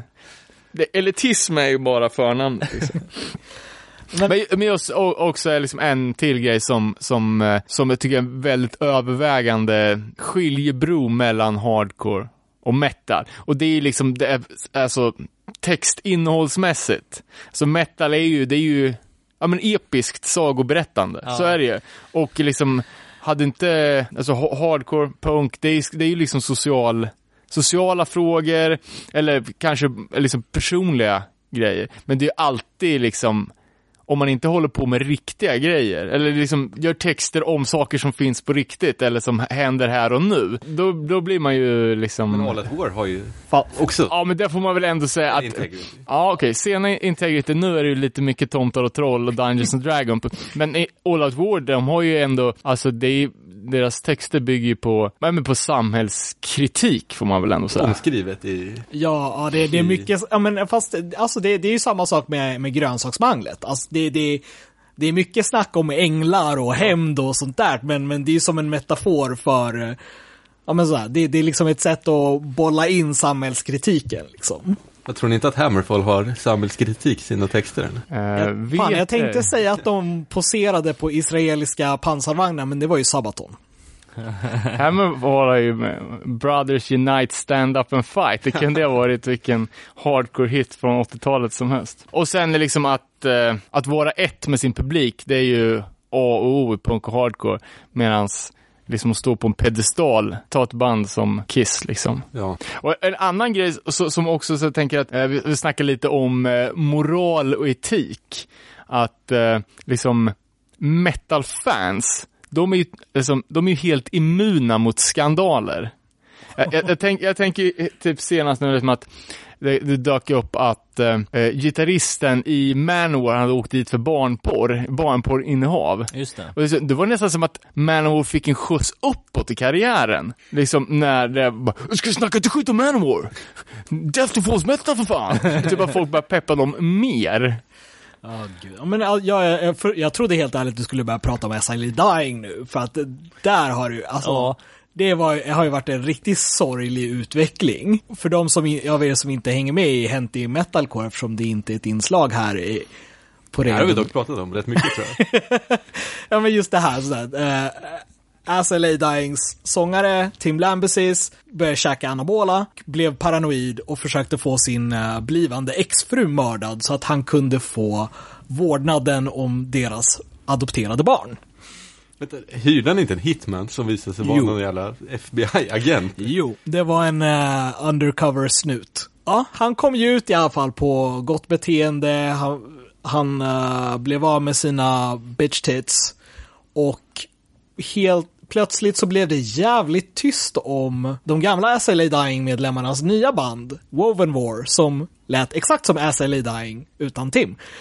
Och det visade ju sig för att det var för att de skulle återförena SLA Dying. Och där var det ju också att alla metal-fans eh, till SLA Dying var ju bara ah, men han har avtjänat sitt straff nu, alltså sluta ta upp det här. Vad då vill du att han ska flippa burgare eller? Ja, han kanske borde fucking vända burgare ett tag alltså. Snäll, tagga ner nu. Tagga ner nu, alltså så här, jag, jag, jag tycker inte att man automatiskt ska få tillbaka tillgången till sin jävla, ja men sån här pedestal. Jag, jag, tyckte det, det konstiga i det här var ju att alla pratade, ah, så här, ah, hans gamla bandmedlemmar har förlåtit honom, kolla de har släppt en video där de pratar ut om det här mamma. Men hans exfru då? Hon som skulle dö, alltså hon har inte sagt så jävla mycket. Kan, kan någon snälla fråga henne vad hon tycker? Och det där tycker jag kommer tillbaks eh, på samma sätt med till exempel Phil Anselmo, liksom, som heilar och ändå får komma och spela på stora festivaler liksom. Eller All That Remains som i rakt nedåtgående led från Ted Nugent bara propagerar för allt som har med liksom, eh, Second Amendment att göra och ändå får åka och spela liksom överallt. Det är ju fan Earth Crisis också. Ja, men är inte på samma sätt alltså. Är, är det nu jag ska outa mig som så här blivande prepper och lite typ så här kanske vapenliberal? Då har jag ett band för dig. De heter Wartime Manor. De jobbar bara med det. Exakt. Vi, vi, kan, vi kan ju prata om dem för de är ju de är besläktade med stigmata, eller hur? Vi kan, kan prata om dem. s- sen. Ja, ja precis. Nej men alltså, nej det, var, det är också så här bara en, om vi ska prata om rasism igen, så, så jag, bara, jag bara säger att, jag menar vi har fascister lite överallt. Jag är inte helt främmande till, till en framtid om 30 år, då kan, det kanske är nödvändigt att liksom veta hur man ska sikta i alla fall. Just say. Ja, det ser fan inte ljust ut alltså. Inte någonstans. Fan vilken pessimist jag låter som. Förlåt mamma. Ja men då tycker jag vi börjar med det som kallas för original metalcore. Alltså, Det som vi kallar för ja exakt. Eh, och eh, Gabbe? Ja, nej du- men som sagt, alltså det, det är svårt att prata om hela den här grejen från början utan att faktiskt prata om integrity. Som sagt, det, vi hade en paus här och vi satt och diskuterade liksom så här hur utvecklingen i det bandet har gått, men det är ju ändå ett av de första banden som liksom, som började sola till att börja med. Jag tycker bara det är, det är en sån jävla metal-grej att göra, att börja sola i sina låtar och jävlar vad de kunde sola alltså. Så det, ja, jag, jag kommer ihåg, jag, eh, det är ju, om man ska bara, bara rena solon, så Violent Children då, som är Ray Capos gamla band. Där han, det jag tror, det är ju från alltså, typ 82 kanske. Men jag kommer ihåg, när den, de har ju en låt med på eh, Hold Your Ground CD-samlingen som var en major inkörsport för mig till hardcore. Och då kommer jag ihåg att den låten stack ut så jävla mycket för att de hade solon. Jag tänkte bara, fan vilket sjukt band, alltså kan man ens göra så här i hardcore? Så det är ju eh, en, eh, alltså det är ju en, en, en vattendelare av, av rang liksom och bara beblanda sig med sådana Alltså, fasoner. Alltså, och speciellt på den tiden, så eh, Integrity Demo kom ju 87. Mitt under brinnande Youth Crew-våg liksom. Och Integrity sa ju själva att i början så hatar ju alla dem. Ja. Kan ju också vara en liten myt om vi så om sig själva, men att de faktiskt gjorde någonting som inget annat gjorde. Och att de hade mörka influenser. När alla andra körde positive hardcore så var ju de, ja, inte så, inte så positivt. Ja men exakt, och, och, och, och alltså det, jag, jag tycker att även, alltså med, med den banan de har gått, alltså de har ju landat i någonting relativt unikt, alltså det är så här, det, det, det är svårt för mig, känner jag nu, att så här, okej, kalla dem för ren hardcore eller metallisk hardcore eller vad man nu vill säga, för att nu har, alltså så här, nu har de ändå hållit på så länge att de kan skita i och bara göra sin egen grej. Och det har ju blivit så jävla liksom, ja men så här, mörkt och som, som du sa förut Danne, att HC berör ändå saker som händer här och nu i, i den här dimensionen. Integrity, textmässigt, estetiskt, alltså de är inte i den här dimensionen längre. Nej, det är de fan inte. Det är ju typ metal spelat av folk från hardcore. ja. Ja, och så är det med många av de banden som vi, som vi, som vi kallar för original metalcore. Och ett, alltså det första bandet som är, liksom man kan väl säga att det, att det är tre pionjärband som i, viss mån håller på än idag. Det för, första utav dem var väl Stigmata från Troy, Upstate New York, granne med Albany. Eh, Bill, de, de hade faktiskt ett band till, eh, sångaren Bob Riley och Mike Mann, gitarristen, som hette Cranial Abuse. De körde lite på samma grej, de släppte bara en enda låt som var med på Albany Style-samlingen, som kom redan 88. Jag skulle också säga att det är lite metal spelat av, av hardcore-folk. Det finns ju två stigmater. Det finns ett lankesiskt eh, dödsmetallband också. Och ett svenskt. Eh, men eh, första Stigmata-demon är i alla fall från 1990, tror jag. Och nu är det ju liksom, det är, ju- det är ju hardcore-attityd, men musikaliskt är det ju jävligt, jävligt metal. Det, det, det är kul att prata om Stigmata för att jag lyssnade faktiskt eh, på dem på bussen hit. Väldigt specifikt den senaste skivan där de faktiskt har en låt som går att tolka jävligt islamofobiskt faktiskt. Oj. Eh, ja, den heter Rivers of Blood på senaste skivan Condition to Murder. Eh, för att jag ville påminna mig själv om vad ex- eh, exakt det var de sa. Eh, och att liksom hela attityden i, i låten är ju extremt upstate New York. Eh, om man lyssnar på texten, men, men som du säger också, det är, alltså själva låten är ju någons, alltså det är ju typ så här barrock fast spelat jävligt hårt. Förstår du vad jag menar? Ja, men det, alltså, den senaste Stigmata-plattan som kom för något år sedan här, det är 15 tror jag. Ja, det är en väldigt speciell skiva. Alltså, det är ju extremt långsamt tempo och sången ligger liksom så pass utanför så det är nästan som att det är liksom, ja men tänk lite den här eh, sköna Lou Reed läser sina dikter på Metallica-låtar. Så, och sången är ju nästan talad ovanpå ett, ja men ett lågtempo groove. Och, och låten du som du snackade om, det är ju ja, det är en jävligt märklig låt, men det är liksom bara fuck the Catholic, fuck the Muslim, fuck the allting.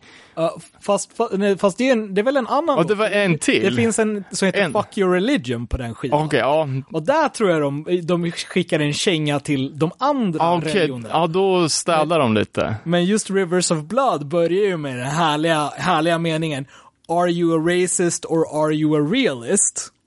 Oj. Eh, och sen fortsätter på härliga så här uh, chestnuts som typ så här We don't want your temples of hate here.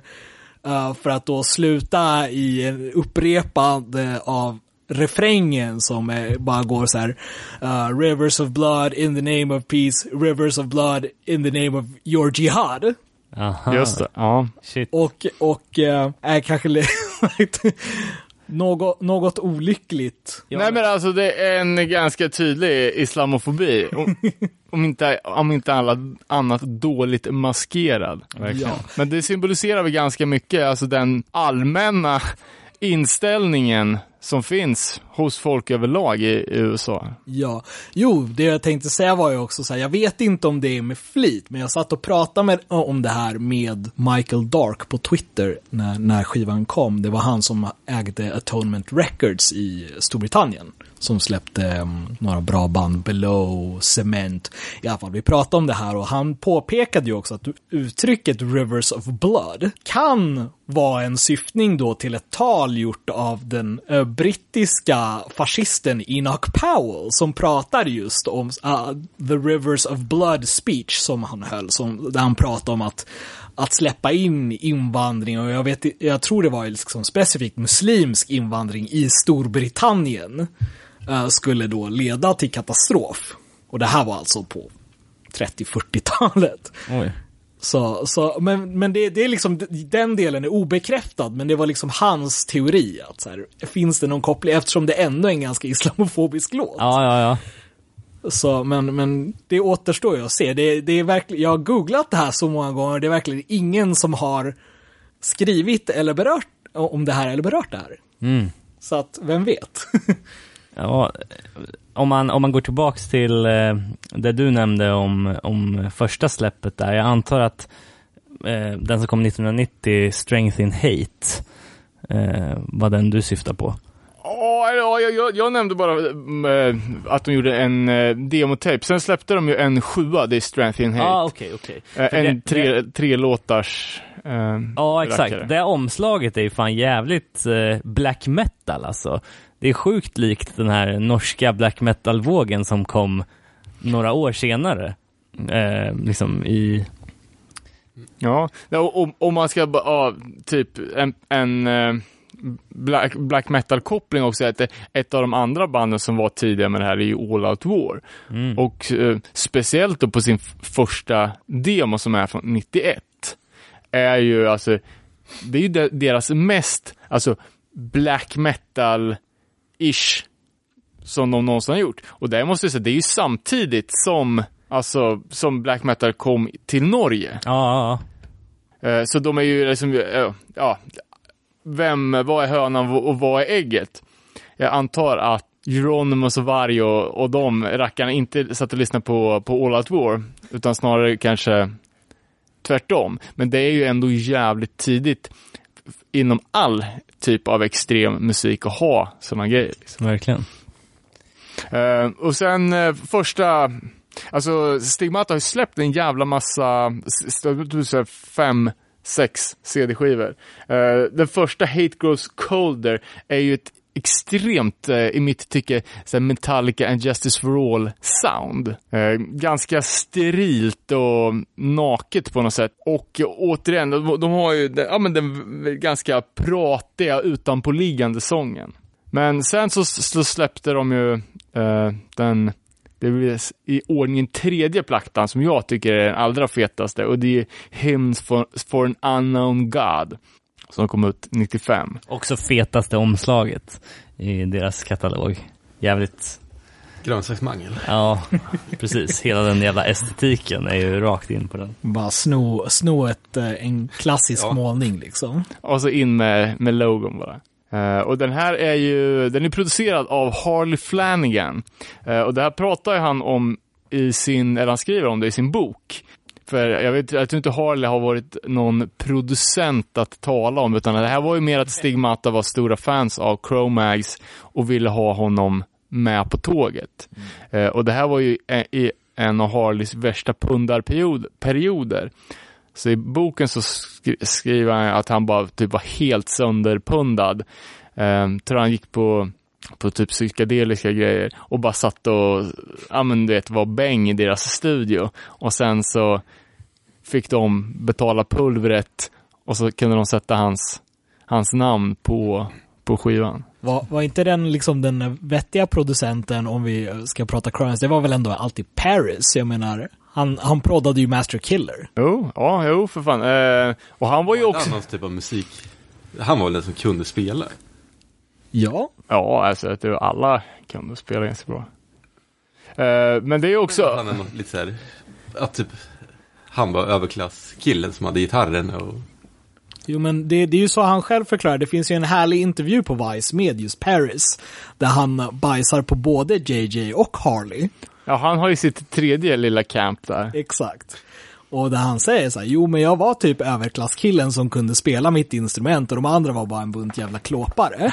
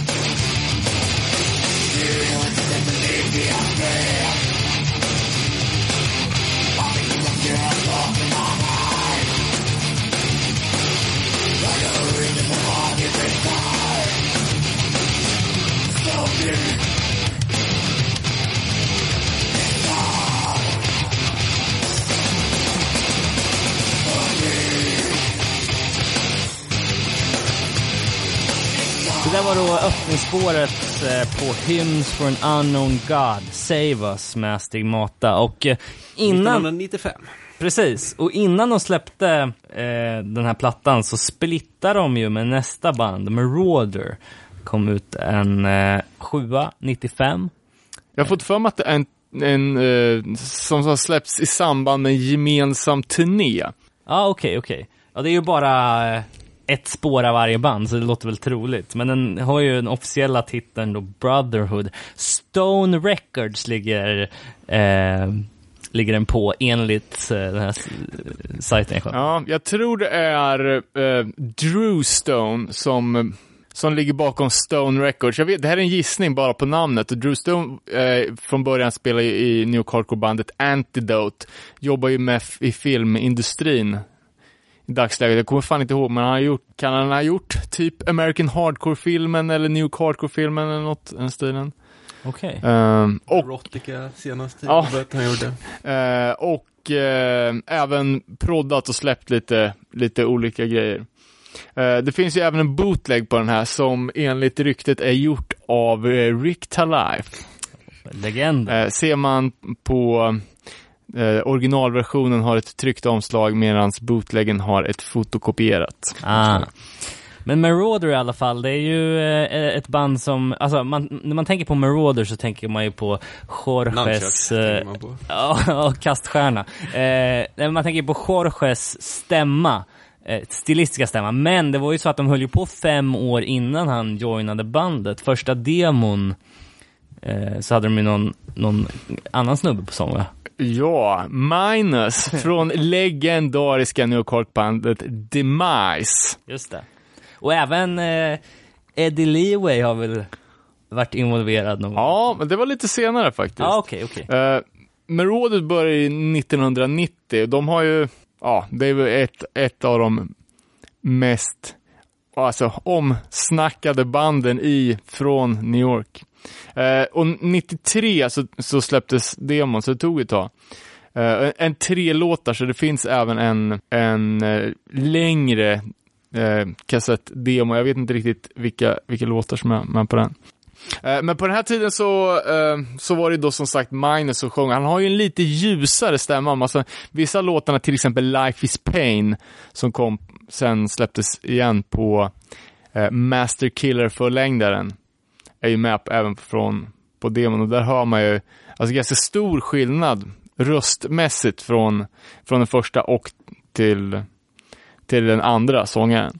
Ja. Men alltså, jag tror vi kan vara ganska överens om att eh, Marauders Master Killer är deras bästa platta i katalogen. Överlägset. ja, verkligen.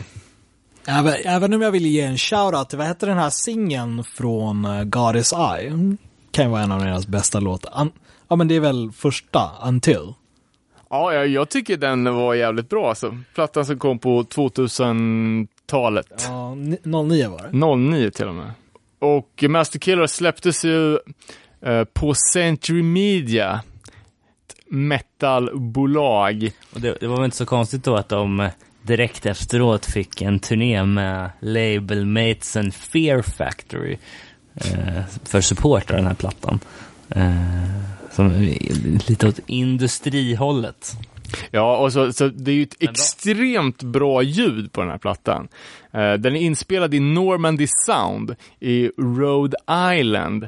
Eh, där hardcore-plattor klassiker som Levi's Born to Expire och Adult Crash.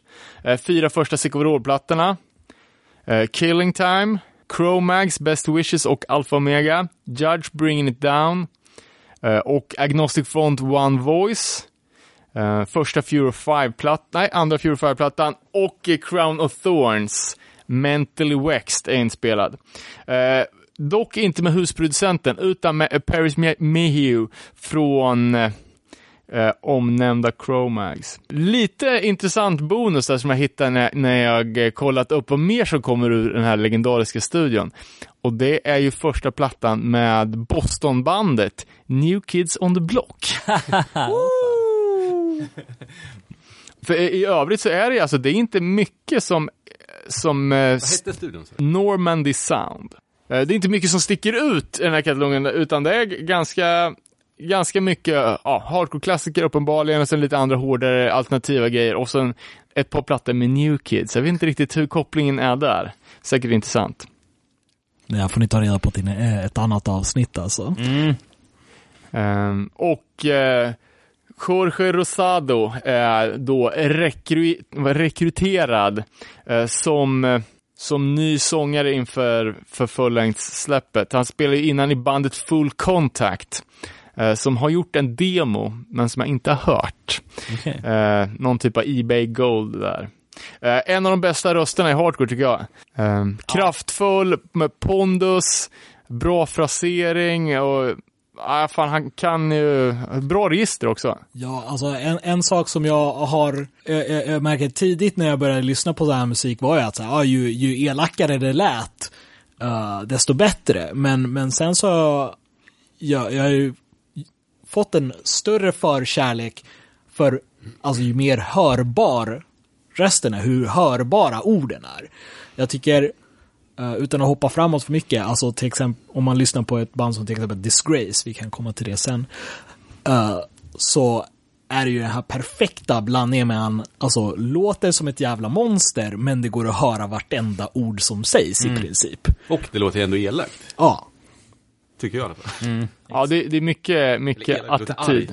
Eh, och i samband med det här släppet då på europeiska uh, Century Media så fick man åka på en turné i Europa med det lätt skandal omsusade tyska är det pubrock? Är det oj? Jag vet inte. Böse Onkels. åh herregud. Vad fan är det? Aldrig hört talas. Ja, det är ju något, jag vill, så här, tyskt, eh, jag vet inte fan, jag, jag, har inte, jag har inte lyssnat på dem, men de, de beskrivs ju som ett lite halvrassiga. Ja, de har ju... Om, eh, jag vet inte fan vad man ska, men typ, tänk, tänk Ultima Thule då. Tysklands ul- Ultima Thule. Typ, ja. Vad heter det? Böse onkel? ja. Alltså, det, det betyder typ evil uncles på, på tyska liksom. Elak farbror. Ja, typ, precis. Eh, Men, men de, har ju, de har ju en del historik med högerextremism. Liksom. De har ju eh, släppt en låt eh, eh, som heter German for, Germany for the Germans. The Germans. Ja. Ja. Det, det, roliga, det roliga är väl att även Marauder har ju någon sorts diffus, eh, diffusa anklagelser kring sig om just det här med högerextremism. Det var ju väl, alltså, vad hette de? Jorge Rosado med flera hängde ju i The Sunset Skins. eh, Ett gäng från New York som då bara var en bunt latinos som eh, lyssnade på Screwdriver och eh, startade bråk på spelningar. Uh, finns, detaljeras också i en intervju någonstans. ja, det finns på No, no Echo. Just det, just det. Eh, jävligt, jävligt intressant. Kul anekdoter från, alltså de var ju verkligen, Sunset Skinners var ju ökända. Och på den här line-upen då, så förutom eh, Rick som lirar bas, som sedan spelar i eh, punkbandet Casualties, som är inte helt okända, så hade vi också på gitarr förutom Anthony eh, Sob, Javier Carpio, eh, som dog för några, några år sedan. En, ännu en eh, New York Hardcore-legend, får man väl säga. Också en del av Sunset Skinheads. Puerto som lyssnar på Screwdriver och spöar folk på gigs. Eh, sen efter Master Killer så, så hoppar Korsjö av en sväng eh, och startade ett metalband som folk kanske har hört talas om och det är ju El Nino. Ehm, och jag vet inte, men han, ha- han har ju ett rykte om sig i alla fall att vara lite svår att ha att göra med, så det här samarbetet sket sig och El Nino fortsatte ju med en annan sångare. Och Är inte de på, rätt stora? Eller? de Jo, jag håller tror på än idag faktiskt. Eh, även om de ju sparkade halva sin lineup och ersatte den med några andra. Klassisk sån där uh, royalty-bråk tror jag det var. Men det går väl, eh, det har väl Marauder också gjort? Ja, jo, abso- ab- absolut. Ja, eftersom att Jorge inte är originalmedlem.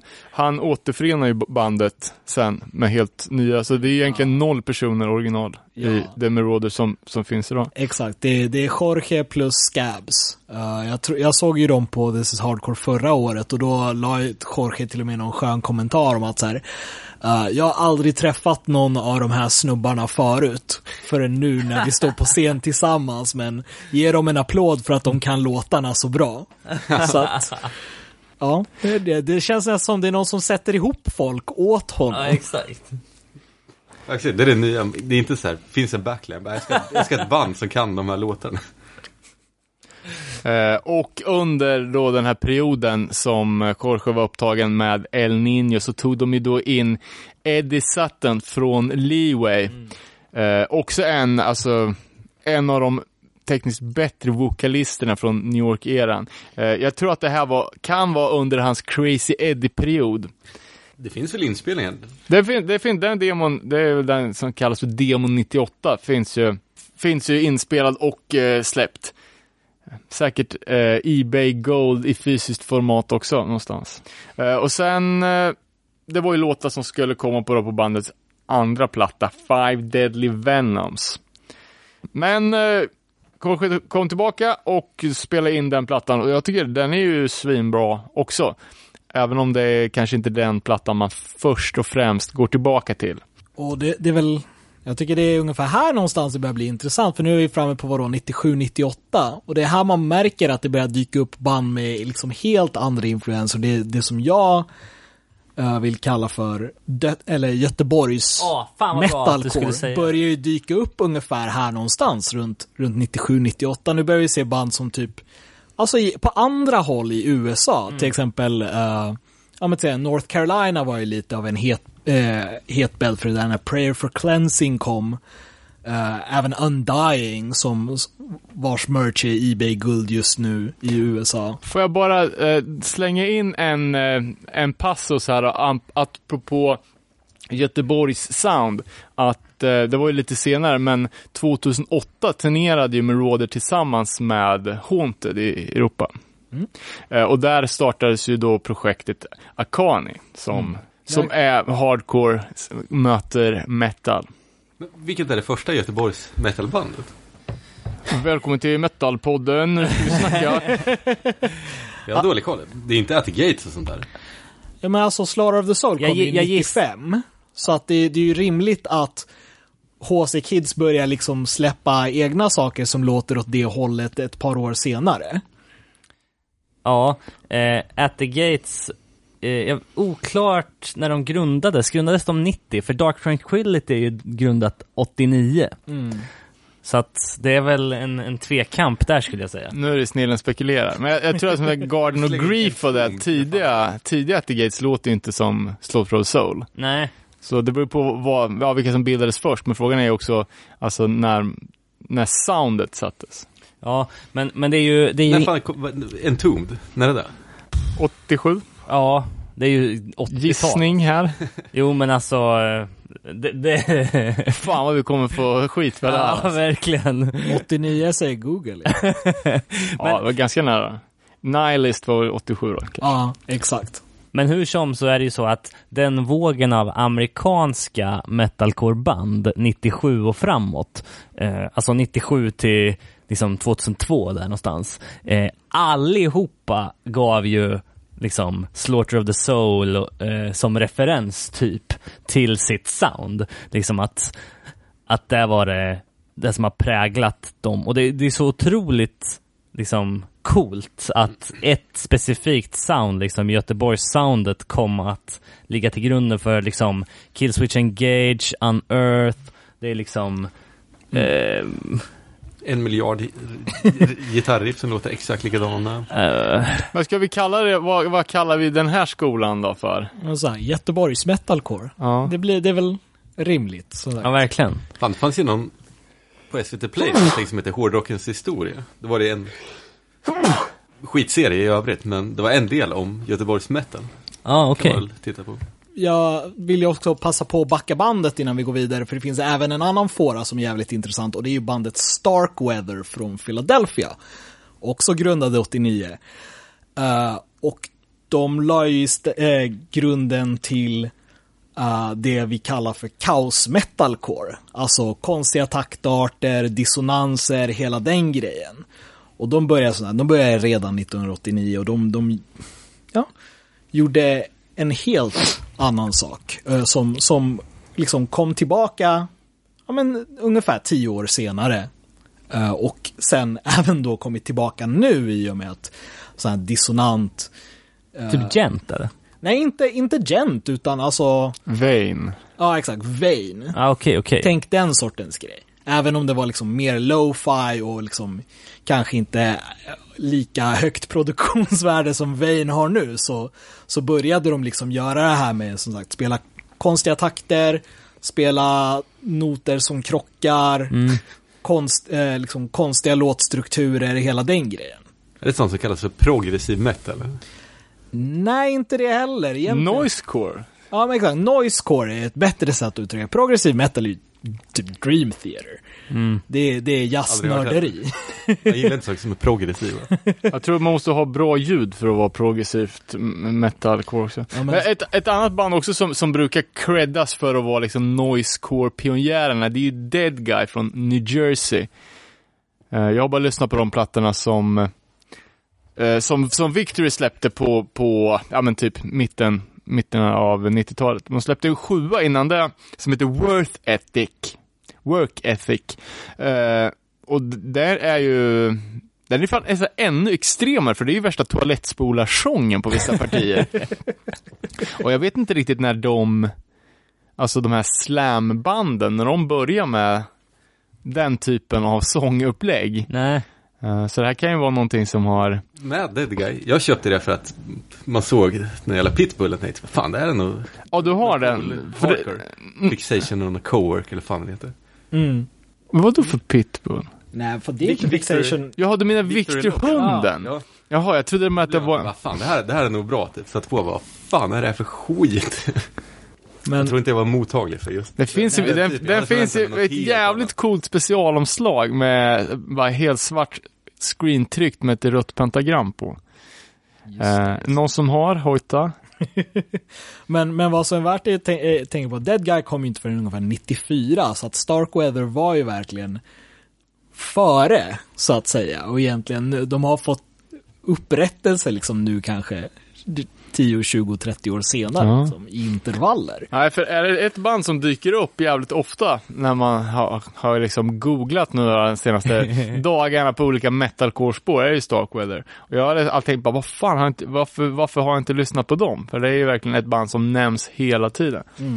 Och, och, och, och då, då är vi ju framme återigen, vi, vi, vi kom fram, vi pratade om Masterkill, vi är framme ungefär 97-98 och det är här vi börjar se de här andra banden som har influerats av Starkweather börjar komma med ganska tidiga släpp, typ Converge, uh, Dillinger Escape Plan, Botch. Botch, absolut, jätteviktigt band om ni frågar mig.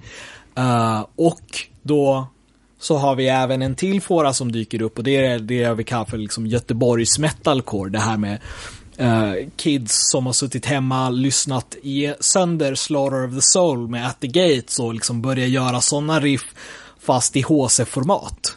Just det. Uh, som, som, och här någonstans ligger ju grunden till, till det vi känner till som metalcore idag. Liksom när, uh, å ena sidan kaos, å andra sidan At the Gates melodier och sen liksom uh, det hårda tugget från band som Marauder och All Out War. Och kanske liksom simplifierat ännu mer. Och det är också, jag vet att uh, At the Gates-folket har ju också en kärlek till punken. Så att det är ju liksom inte, det är inte helt uh, väsensskilt från något håll. Exakt. Ja, men precis. Men ja, frågan är vad som var först. Ja, men jag tror Tompa lirade väl skitsystem först. Tror jag, eller? Dålig koll på, på båda, men eh, influenserna finns ju där i alla fall. Det är som, det är som eh, de bara matar varann. Eh, men, men ja, och här som sagt, här ser vi ju det som, det som börjar växa ut. Å ena sidan har vi liksom um, på östkusten så är det väldigt mycket det här uh, melodiska Göteborgstugget och sen så finns det liksom lite utspritt uh, så här, mitten av USA, uh, nordvästra USA där man har liksom kaos och math-grejer och sen Kalifornien som gjorde lite allt möjligt då.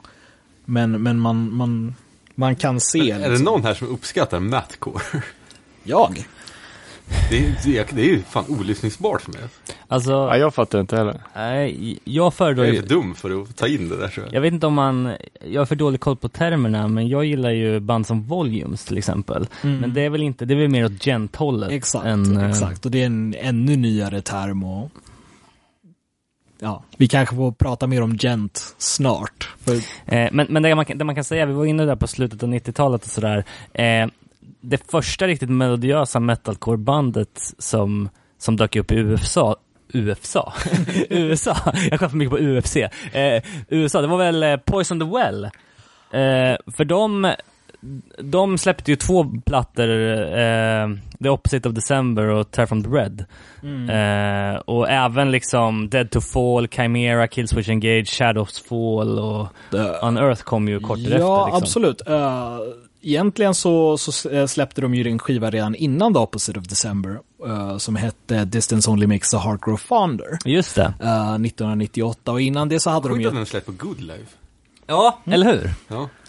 Fan, jag var jävla tidig på att snappa upp sådana här band tror jag. Ja, Verkligen. Good Life var ju eh, extremt bra clearinghouse för kvalitetsmetalcore på den tiden. verkligen. Men Han släppte Avenged Sevenfold, det är typ, de är också jättestora. Ja, de är ju svinstora, men jag Ja, kom, jag har också släppt det.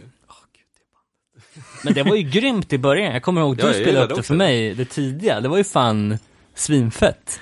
Ja, det är metal det. Ja, det roliga är att jag, jag, det enda jag tänker nu när folk säger Avenged Sevenfold är ju bara den här videon med äh, ett, det här high school-bandet som ska försöka covra dem som är värdelösa. Alltså de, det är verkligen inte en enda person på den scenen som spelar något rätt. Eh, Jag har inte försök, sett, men det låter kul. försök googla upp det, alltså det är bland det roligaste ni kommer att se på internet någonsin. Um, Men bara, bara för att, inte för att gräva ner sig, men bara för att knyta an lite om vi snackar Good Life Records, så var ju också en scen som, eh, som vi har tillägnat ett helt specialavsnitt och det är ju Hate Thousand-scenen från, vad var det nu östra eller västra Flandern i, i Belgien. Eh, som, eh, som gjorde liksom extrem metal-tolkningen av hardcore. just det. Eh, och här kanske, om vi tackar om tidiga pionjär hardcoreband som spelade metal-influerat, som till exempel Stigmata eller All Out War, alltså det var ju, de såg ju ut som hardcore kids, fast de spelade metal. Det var hardcore folk som spelade metal. Men här var ju första gången, som jag vet i alla fall, där alltså hardcorebanden också såg ut som rena metalheads med långt hår, patronbälte, liksom någon gammal eh, Venom t-shirt från 1912. Och framförallt i gitarrist, jag vet inte vad, vad hur han uttalas, UJ, Ux, Jux kanske, UJ, eh, som hade, körde liksom, mm, ja men fullt ut på den här eh, black metal estetiken och skar sig själv på scen och Vilket band pratar du om? han spelade gitarr i både Congress och Liar. Congress, Congress var ju jävligt tidiga, 93 bildades de enligt Ja. källor. Ja, det, det är ju, men, men så här, det är ändå roligt för att det, det känns inte riktigt, ja men så här, de, de hade ju ännu mer dödsinfluens egentligen. Eh, Ja, ja vi, vi har ju som sagt ett helt specialavsnitt. Man får, eh, får liksom leta sig vidare i, eh, i arkivet. Men det känns ju som att därifrån så, de är inne på en helt egen tripp. Jag vet inte riktigt hur, hur det kom sig att, det, eh, att, att den belgiska scenen gjorde som de gjorde. det, det är en jävligt intressant grej, absolut. Eh, det är väl, folk söker väl sina hårdare och hårdare kickar liksom. Förutom Poison Well som vi pratade om. Det. Ja. Är det första gången det är typ en skönsång i... Okej, det är inte skönsång, men det är så här stämmer som ligger hela tiden. Typ. Alltså, första och första, det har väl säkert gjorts någonting, men, men absolut, de använder ju extremt mycket av den sortens grejer och, och, och jag tycker det är roligt att du säger liksom, ja, jag säger, jag säger att ja, folk sökte hårdare och hårdare kickar och då säger du förutom Poison Well, och det är ju roligt för att Poison Well blev ju ett allt mjukare och mjukare band. Fram till sista skivan som var liksom eh, någon form av eh, indie space rock med lite skrik här och där. För att, ja men de hade väl tömt all HC-kreativitet. Uh, med det sagt så är det ju kanske, även om jag inte tycker den, liksom det de gjorde mot slutet var så, så här 100% min grej, men jag bara respekterar den evolutionen på något sätt. Mm. De, de fortsatte ändå göra svår musik, men på Jag ett gillar annat typ de sätt. första grejerna. Ja, det är absoluta klassiker för mig alltså. En, en rolig anekdot som ni får, ni får inte citera mig på det här, men, men jag svär att jag läste men jag hittade det inte på internet någonsin igen, men det är ju att The Opposite of December, uh, anledningen till att alla tempon låter så jävla kackigt på den skivan är för att de spelade alla låtar snabbare än vad de hade tänkt sig för att spara tid i studion. PGA, dålig budget. Ja, verkligen. Men, då- så de släppte alla låtar snabbare eller drog de ner tempot i mixen? Nej, nej, nej, nej, utan man, man hör ju att så här, okej, men det här skulle nog kanske, typ, det finns vissa ställen där de spelar så här D-takt och det låter ju så här ganska kackigt på något sätt. Och man hör att så här, okej, men det här skulle typ låta bra om det var långsammare. Men de har verkligen rusat igenom det. Var de rätt tidiga. Nu har inte detaljstuderat texter, men det känns som det är typ emo-texter. Ja, ja, fett emo-texter. Nerd är ju bara rakt av en jävla kärlekslåt. alltså, kanske den, eh, alltså egentligen en jättetöntig kärlekslåt, men, men eh, när man var 16 så kände man ju den i benen alltså. Ja, verkligen. Eh, ja, och det går ju inte att komma ifrån heller att utöver alla de här banden som, som dök upp i början av, ja, slutet av 90, början av 2000-talet i USA och var influerade av det här Göteborgs-soundet så blev ju Killswitch Engage ett av de absolut största och är fortfarande idag. Och också vad eh, medlemmarna i det här bandet har åstadkommit eh, utöver, eh, alltså i producentroller och så här, jag tänker på Adam Dukovic som spelar gitarr, också producerat extremt många bra Ja, som har metalcore. sån jävla mössa med öronflärpar. Ja, men Han precis. eh, Fargo-mössa. ska, ska all, Ja, vara allmänt clownig. Precis. Eh, men han har ju producerat plattor till eh, Archaic Strain, All That Remains, As I Lay Dying, August Burns Red, Parkway Drive, Unearth, alltså the list goes on. I, verkligen. Men, men det, det är ju som sagt, vi, vi pratar om band som är offer för sin egen eh, framgång och alltså eh, runt i början av eh, Killswitch Engages eh, livscykel så var de ju extremt DIY. Det var ju bara att de var jävligt duktiga på att vara DIY. Precis. De självproducerade, men gitarristen ah, liksom hade gått musikskola och kunde producera.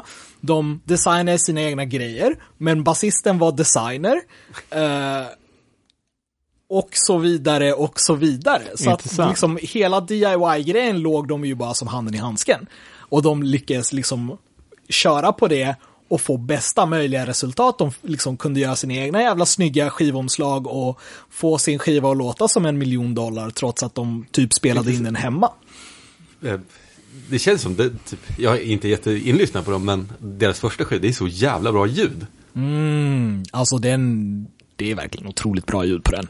För att vara, det är typ Poison the Well fast med svinbra ljud. Och det här var ju fortfarande på den tiden när inte det fanns en, en portabel studio i var mans laptop. Exakt. När man fortfarande behövde sätta upp riktiga mickar på ett riktigt trumset och, Exakt. och ratta ett ljud. Jag, jag köpte ju den första Killswitch Engage-DVDn. Det här var uh, faktiskt redan innan jag spelade i Playdown så spelade jag i ett uh, Göteborgs metalcore-band som heter Hersinia. Mm. Uh, och, Alive or Just Breathing eller? Eller vad heter den DVDn? uh, Det är någon skiva de har släppt. det är skivan som heter så. Jag tror första DVDn heter Set, your, Set This Set World Ablaze. Ablaze, ja just det, Set This- exakt. Efter en av låtarna på Det är nog fan- of Hard, Heartache-skivan. Ja, Är inte precis. det någon Shai Hulud-grej? Uh, nej, det är Set Your Body Ablaze. Också en av världens bästa låtar. Den DVDn har jag sett hundra gånger alltså. Den, sådär, jag och mitt Göteborgs metalcore-band Hersynia brukar ju kolla på den eh, som inspiration. Så att vi, liksom, det var verkligen, man, man sitter där och hör typ hur gitarristens morsa berättar om hur de spelade in den på sitt rum typ. Och man bara, det här är helt otroligt. Alltså det, det, det, det, det är bortom all rim, all rim och reson att de bara liksom DIYade en så jävla bra skiva rakt igenom. Jo men och det är också så här eh, ett band som har överlevt sångarbyten jävligt bra. För att eh, de börjar ju med Jesse Leach på sång som har jävligt rå röst liksom. Och sen så kom Howard Jones in och typ omdefinierade liksom, riktlinjerna för hur man sjunger cleant i metalcore-låtar. Alltså, Ja. tycker jag. Jo, Men killar, jag, är, nu bara, jag har fan aldrig hört Killswitch och bara blir jävligt sugen på att höra hur det låter. Kan vi inte dra in en liten snött i alla fall? jo men absolut.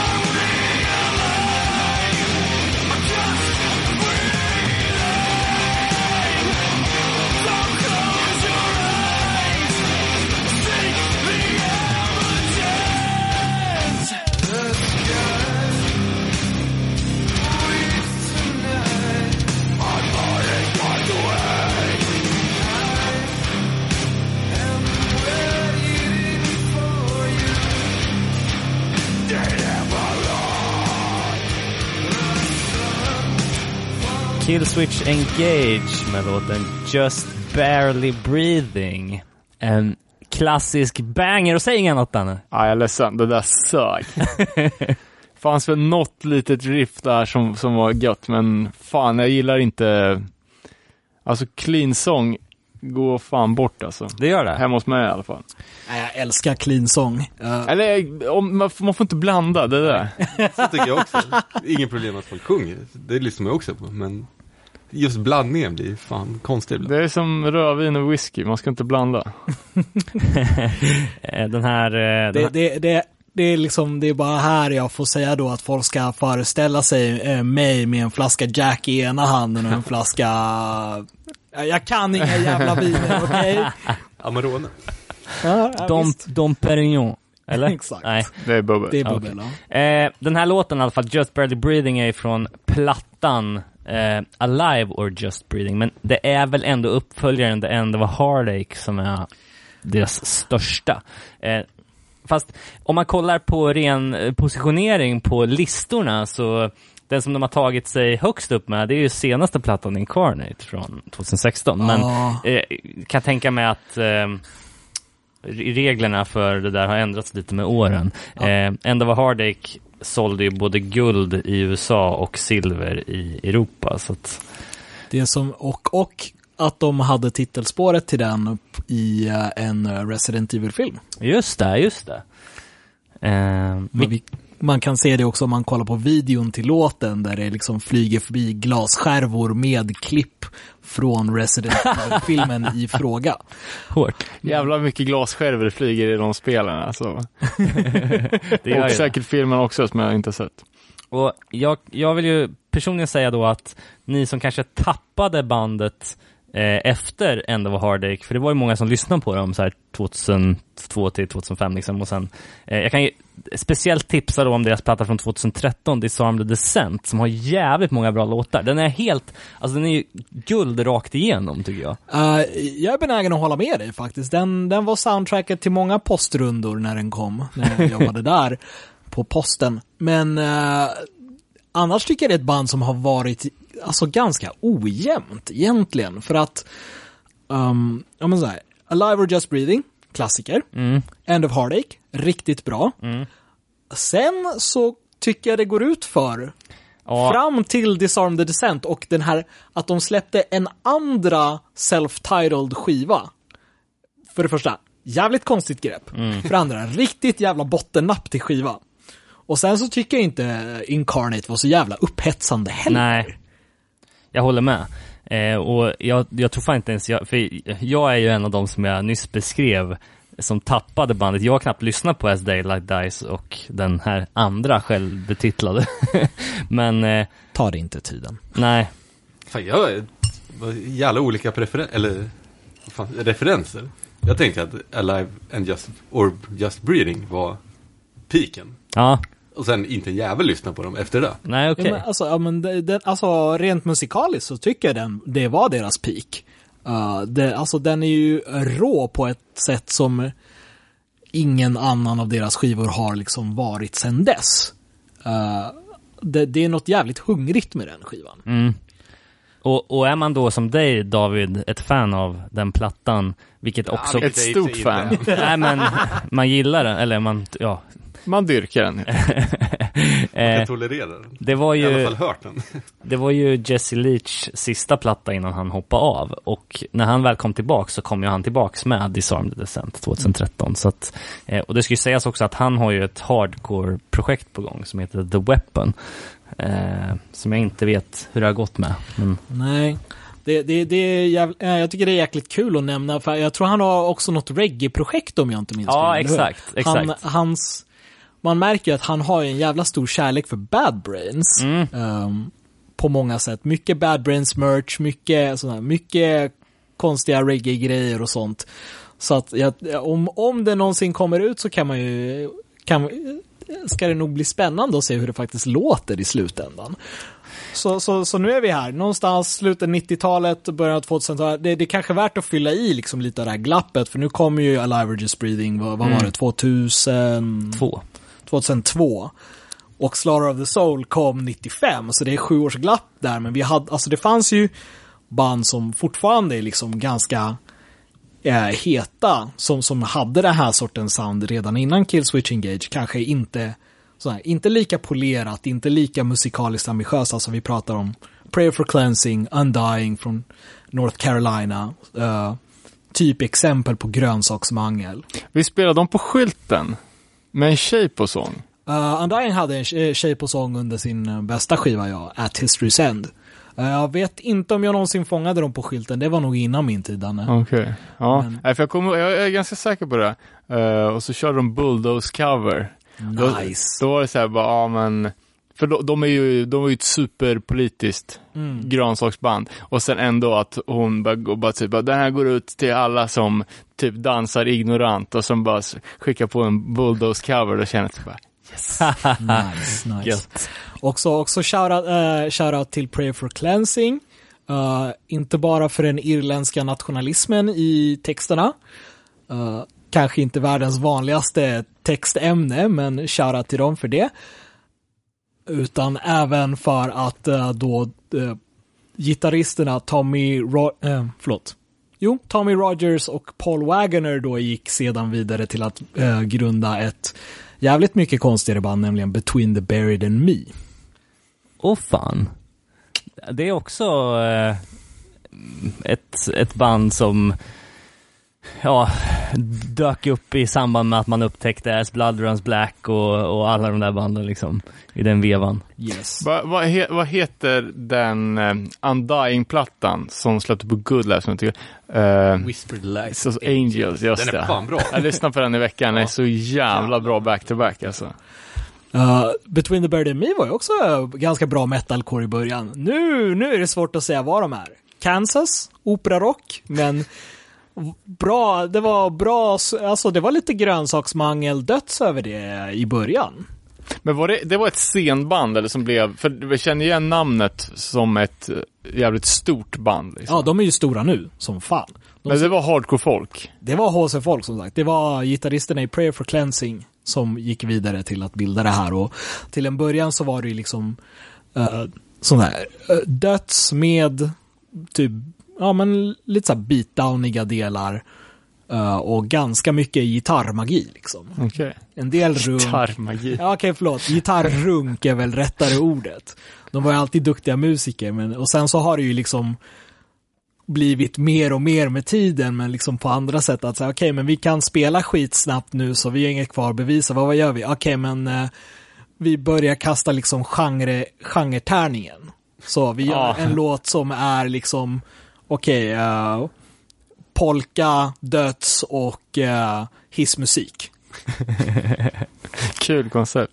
Jag kommer, jag kommer ihåg eh, att jag fick ner eh, My Fears Have Become Phobias med Blood Runs Black samtidigt som Between the Bird and Me. De släppte, om det var Alaska eller Anatomy of, någon så här mitten av 2000-talet liksom. Nice. Eh, Anatomy of var ju en jävligt kul bit kuriosa bara för, för, det- för det första, det här var ju typ eh, The Anatomy of med Between the Bird and Me alltså en coverskiva.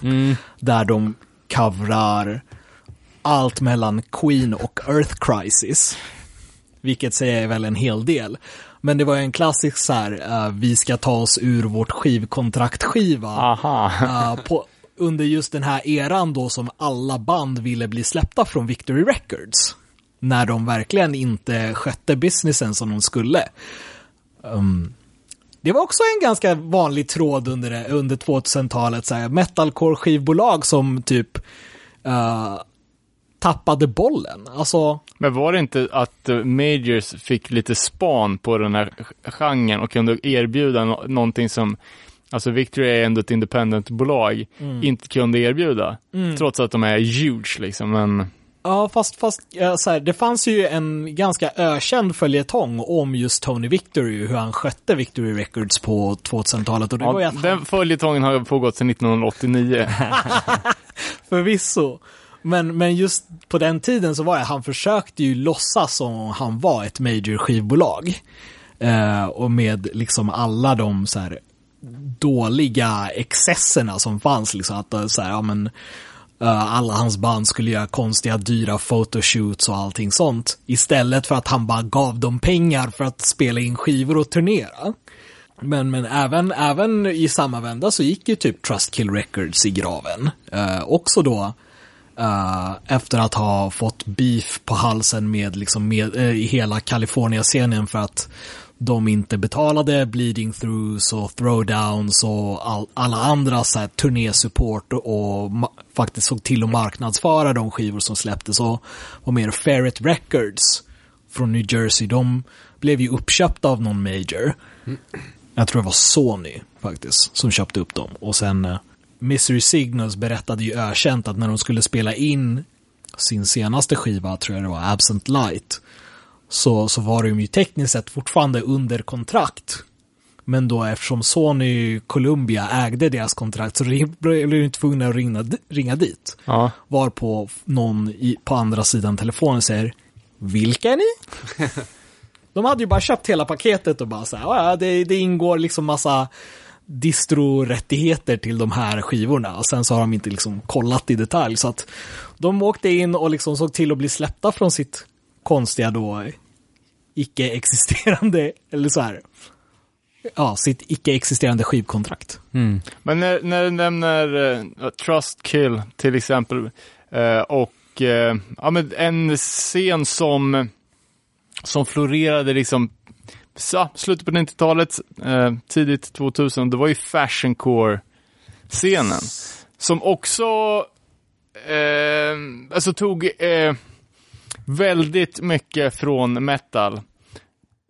Eh, och gjorde det liksom på, jag, jag vet inte om Bleeding Through var först med att ha synt i ett hardcoreband. Kan vara. Eller kan. metalband. Eh, De, de var nog inte först med att ha synt i ett metal, metal, metalband, nej. Men det var ju, det var ju någonting Men med... det är ju metal. ja, Det är 0% hardcore. stay in the hardcore folk. Ja. exakt. Det är det som gör dem hardcore. Nej men det, det, alltså Orange County var ju ett jävligt intressant Eh, ställe. Just för att sånt där, vi, så här, om man kollar på alla de banden som kom från Orange County och som typ låg på Trustkill så var det liksom så här, okej det var Göteborg och det var glam metal och det var typ Pantera. Eh, om man tittar på Throwdown. Och eh, jag, hot take, jag vill bara flika in. Throwdown var ett bättre band när de började försöka låta som Pantera. Jag kommer aldrig lyssna Oj, på dem oj, igen. oj, Okej? oj, oj. Bold statement alltså. Kom, lyssna, helt fel. nej, sätt dig ner och lyssna på Venom and Tears och säg till mig att jag har fel. Jag kommer aldrig ge den, den tiden, tyvärr. I vilket fall. Men det fanns ju någon gammal, också så här gammal intervju jag läste med James Hart från 18 Visions, kanske det mest fashioniga bandet av alla.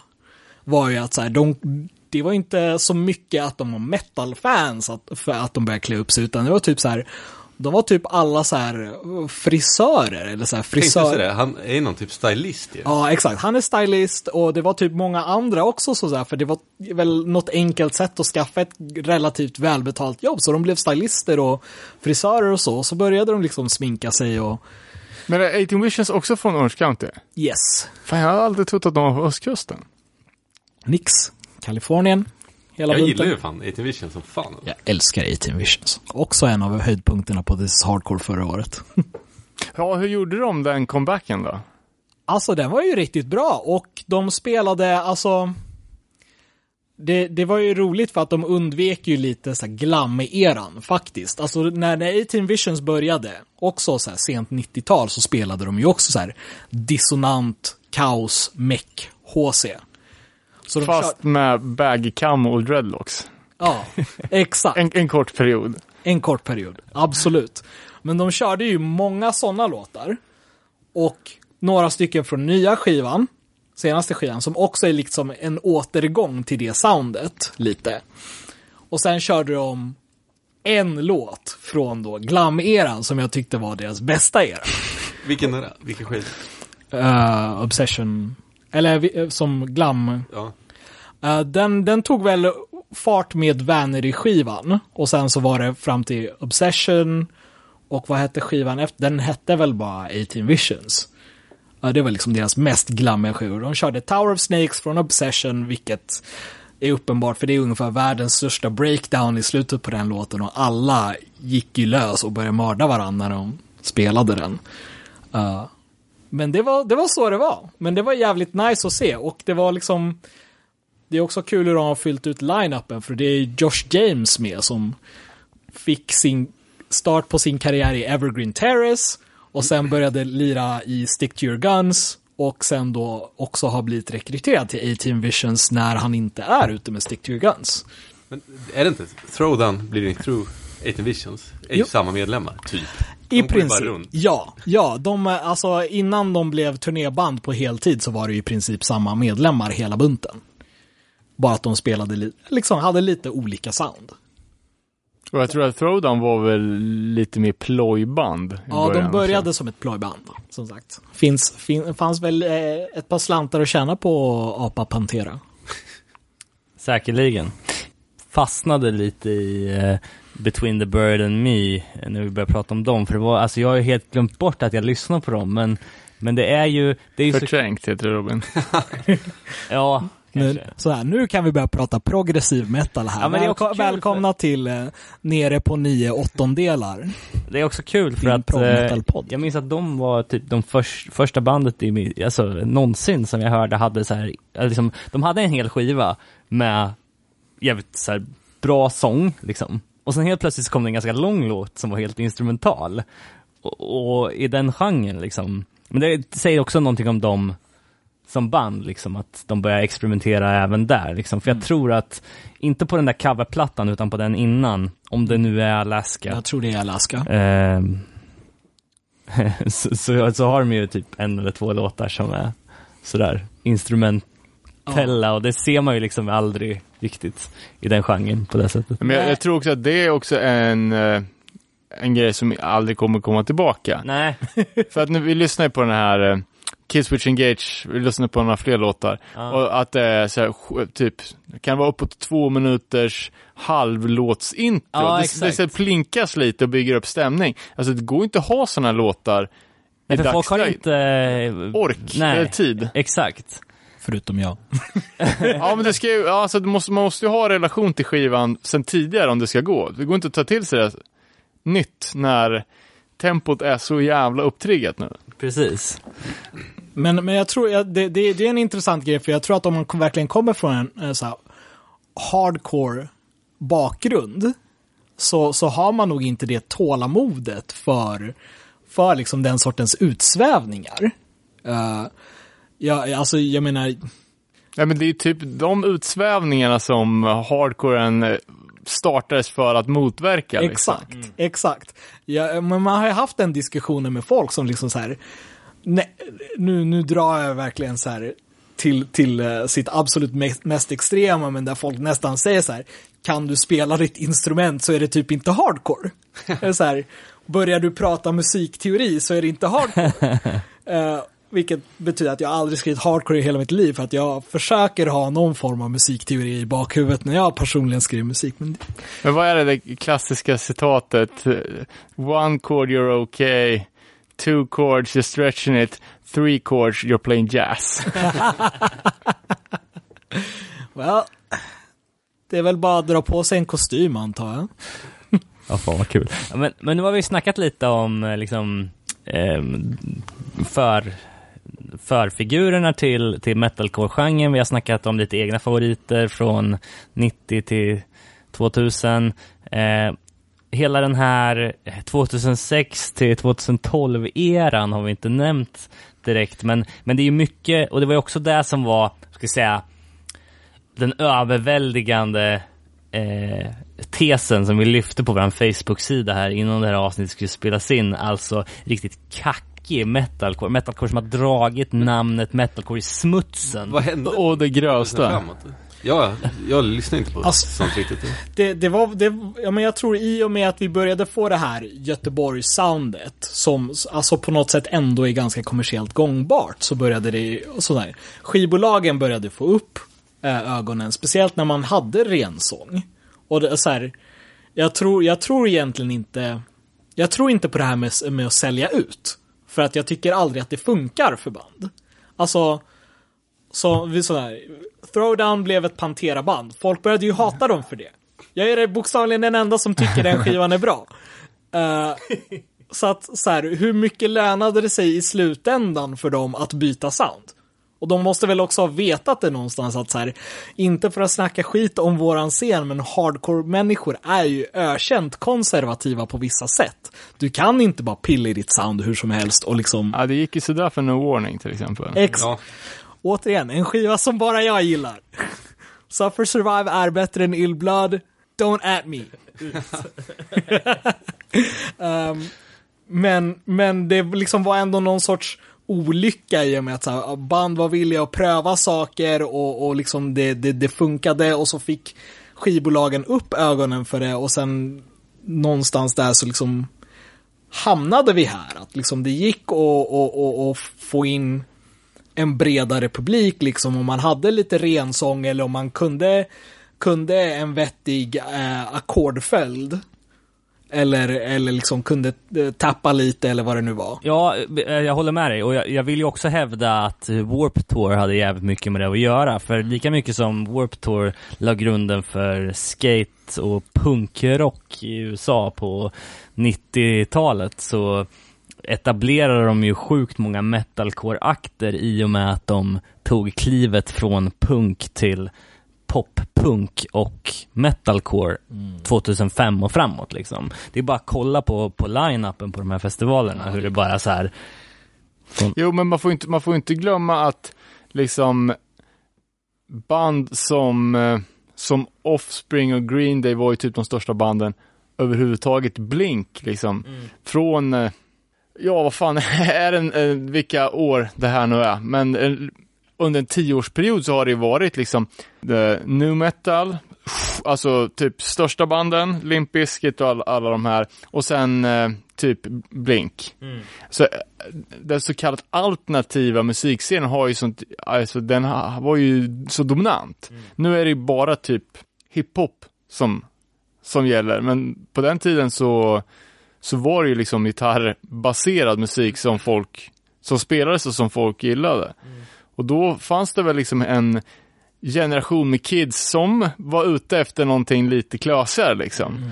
Och eh, när de här så kallat lite klösigare banden var så jävla alltså fint förpaketerade. Det, det var ju liksom hot topic, eh, alltså den vad man kalla det för, alternativa kläder butikskedjan i USA som liksom eh, när de tog in Köpcenter Punk. Köpcenterpunken, precis. när de började ta in Metalcore. metalcore, då hände det någonting. När de började presentera det för en jävligt köpstark publik, då börjar helt plötsligt band kunna sälja, ja nu slänger jag en siffra ur röven av Guds nåde, men säg att de kan sälja 50 000 av ett t-shirt print. Med någon, alltså, ja, vissa var, var grafiska designers, vissa var stylister, de gjorde ju bra merch. Det var ju inte liksom eh, Iron Maiden Tour t-shirten 89 stil, utan det här var ju någonting som, som många unga tjejer ville ha. Då, eh, Och kids liksom som gillar, gillar den liksom lite emo-stilen. Och då har de helt plötsligt en helt ny målgrupp. Och folk börjar fatta åt vilket håll det man skulle luta om man skulle kunna ta sitt band till nästa nivå. Just det, just det. Ja, för det var ju, det var ju många av de banden som blev, som kom ur eh, Vans metalcore-era, som blev fan så mycket större Ja, än vad de banden som kom ur Vans punk-era blev liksom. jag vet inte, vil, ja, vilka var först med att göra liksom pojkbands metalcore? Ja, alltså, eh, jag skulle vilja... hä- Horizon. Ja, Bring Me The Horizon, A Day To Remember, ett annat band som kommer upp. Verkligen. Eh, Jag sa det förut, men Bring Me The Horizon är ju fan metal, första skivan. mm. Alltså, men de hade ju en EP innan också. Uh, This is what the edge of your seat was made for, där det verkligen var kaos metalcore. Ja men hårt som fan, inte töntigt som det är nu.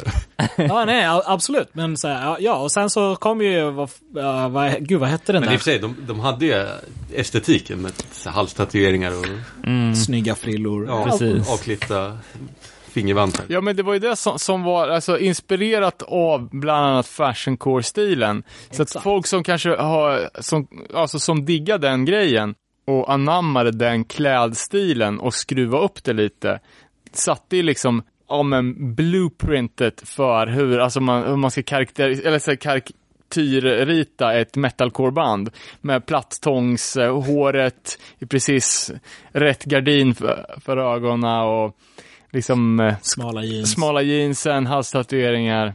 Hade inte Division en slogan som var Look good first, sound good second? Jo. Och att det blev liksom, ja men ver- verkligen att det blev ett pojkbands koncept först. Mm. Och sen hur fan det lät, det var inte så viktigt. Hu- Huvudsaken att de var söta i videon. Ja men alltså, jag, och jag tycker absolut det fanns band som stämmer in på, på den beskrivningen. Att det var liksom, alltså om det inte var så att de skrev, eh, någon annan skrev musiken åt dem så var det definitivt att de skrev den efter en jävla formel. Ja. Eh, garanterat.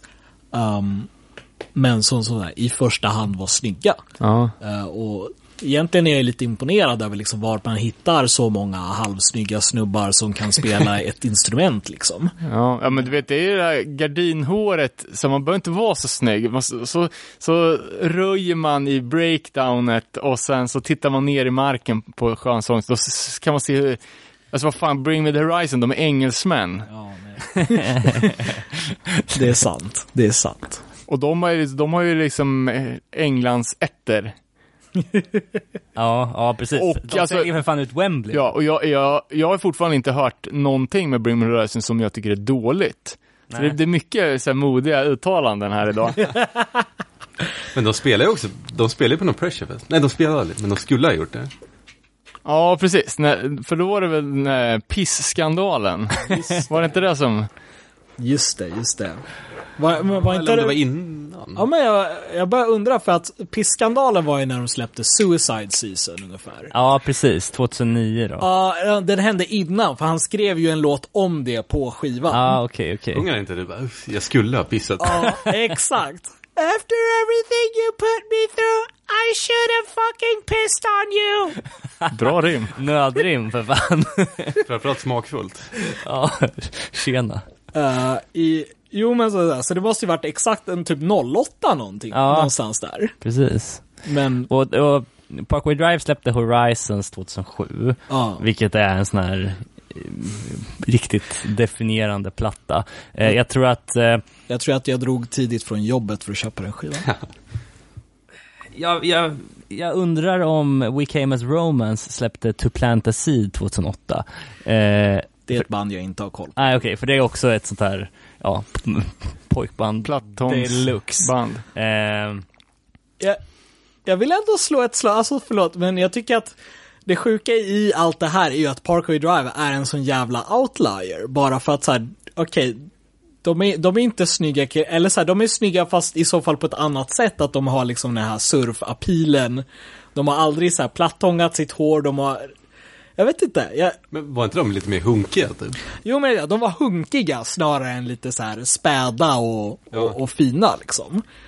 Ja, för de har ju liksom pojkbands metalcoreband, de har ju det så här kawaii-stilen. Exakt. Snarare liksom manga-frisyrer Exakt. och den eh, androgyna Verkligen. eh, looken snarare än alltså, australiensiska bro-dudes. Eh, Det är fan lite broigt. Parker Drive-looken. Mm. Ja, Men det, det är ju det. Alltså som sagt, då, jag har aldrig sett så mycket så här flipflops och surfshorts som i, eh, i en 100 meters radie från deras spelning. Liksom. Man bara, jo, det är november. Vad gör ni? Men fatta vad manliga de skulle känna sig om de, och säg ett turnépaket då med, med fem stycken sådana där plattångsband som alla är, ja men, i, i, i 50 kilos klassen med full sminkning och manga-frisyrer och sen ett, ett gäng surfer bros. Det hände nog ett par gånger alltså, för att jag menar, det... Uh, Impericon Never Say Die-turnén har ju innehållit en bunt intressanta konstellationer. Tyckte dock, jag lyssnade på den, Killing With A Smile. Jag har inte, hört, jag har inte lyssnat på tio år. Inte åldrats så jävla bra. Alltså. Tycker ni att det fort, fortfarande håller? ja, alltså jag tycker fortfarande att Romance Is Dead är en banger alltså. Horizons är en av mina topp fem skivor någonsin. Ja, Horizons också. Boneyards liksom, den är fortfarande stenhård. Och Kommer inte det, ens den här det- skivan tyvärr. Jag, jag, jag råder dig starkt att åtminstone ge den en lyssning, men, men sen därefter så blir det ju också så här, alltså, jag vet inte. Man märker ett, ett skift i sounden, liksom. De två senaste är ju typ arenarock.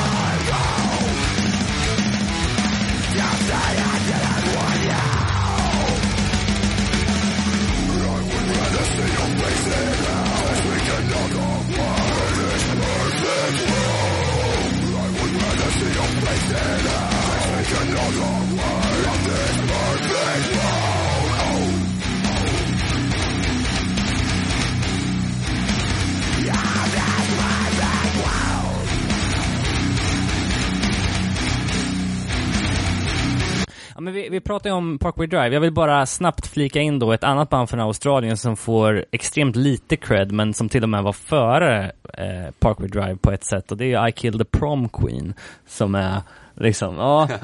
Spelade inte de också i Linköping samtidigt? Jajamän. Det Ja, var ju hårt på riktigt. ja och... Va, skämtar du eller? Det är typ Parkway Drive fast töntiga. Vad jag för mig att det var typ beatdown-band. Nej, nej, nej, ut- men alltså det fanns, det fanns ju som två eror av I Killed the Prom Queen. Precis. Före och innan och efter de var i Sverige.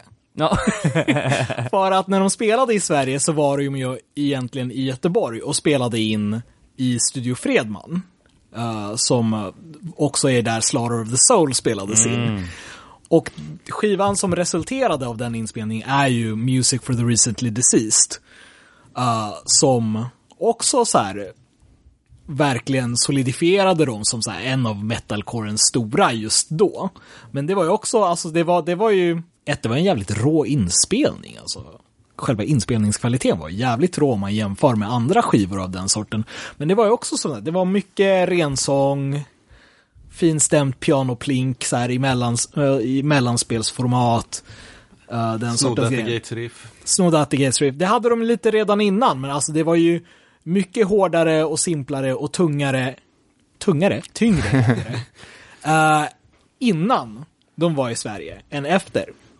Och sådär. Det hade lite, hade lite att göra med så här sångarbytet och det hade lite att göra med liksom vart de var, vart de spelade in och vad de ville skriva och allting. Men det, det, är, liksom, det är verkligen den vattendelaren för dem. Det finns ju kopplingar från det här bandet till många liksom, andra kända akter som Bleeding Through, Eternal Lord som spelar på Press... Eller, eh, spelar här i Örebro på Treasure. Treasure Fest. Trash. Eh, och eh, Bring Me The Horizon rekryterade ju Jona Weinhofen som spelade gitarr i I Killed the Prom Queen. Men vad är Är inte de också från Australien? Bring me the horizon. I Killed the Prom Queen? Jo, Jo. exakt. Det var ju från Parkway Drive till I Killed the Prom Queen eftersom vi ändå var i Australien och grävde. Australien var fan uh, bördig mark för metalcore. Ja, verkligen. Det finns väl ett band som heter 50 Lions, va? Som Ja. också är från Australien som Det spelar. är så hårt. Det har ju inte åldrats så det är bra heller. Det är ren hardcore och kuriosa är ju att sångaren i 50 Lions är ju då alltså bror till sångaren i Parkway Drive. Det är så det är, okej. För man såg ju alltid dem tillsammans där i början, då, det förklarar saken. För jag skulle eh, vilja slå ett slag för det nya australiensiska grönsaksbandet som jag snappade upp och glömde bort direkt. Vad fan hette de? Tänk på det en stund. Ja. Men, men så här, någonstans här så, så är, alltså, är det väl ändå också att luften håller gå ur metalcore-bubblan lite. Egentligen. Fram tills idag. Mm. Att som sagt, det, det är många av de här dussinbanden försvinner ju. eh, på grund av att, ja men det är, eh, så, som De du inte sa. var så bra. Ja, de var inte så bra och som Danne säger också att så här, nu, nu är kidsen mer inne på hiphop, vilket betyder att det finns mindre plats för de band som inte är absolut störst inom en genre. Eh, så därför försvinner det jävligt många band och det som vi alltså har kvar från den här 2000-talsvågen av stora metalcore-band är ju de här största. Alltså det är Parkway Drive, det är Unearth, det är uh, återupplivade As I Lay Dying eh, och så vidare. Och, och då plötsligt så har vi har det ju öppnats för eh, en, ja men så här, det har lämnat ett hål som då amerikanska kids har varit jävligt glada och nöjda att fylla i, liksom med ny DIY metalcore. Så, vilket är där vi är idag. Precis. Och jag tycker man kan se den återväxten lite, och även i Europa i form av att eh, till exempel eh, Renounced är ju ett band med, med, med tydliga liksom eh, metalcore-influenser liksom som kommer och släpper ehm, eh, att, vad heter den, Wings of Despair eller som kom ja, för nå- något år sedan. Ja, du menar den orangea skivan som jag aldrig kommer ihåg.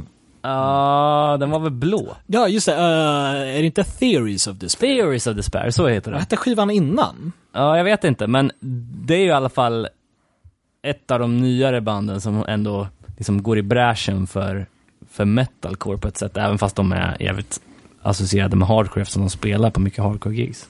Exakt. Ja, men där, och där har vi ju det här eh, hardcore-folk som spelar metal. Ja, Och nu, nu finns det ju liksom ändå en, en historik så här 20 år senare där vi säger okej, här har vi så här eh, en etablerad mall så, som det också går att bli lite nostalgisk över. ja men precis. Tänkte ju säga det, att det börjar bli typ retro. Ja, men det, alltså det är på många sätt som, eh, så är det ju en, en lite av en retrovåg.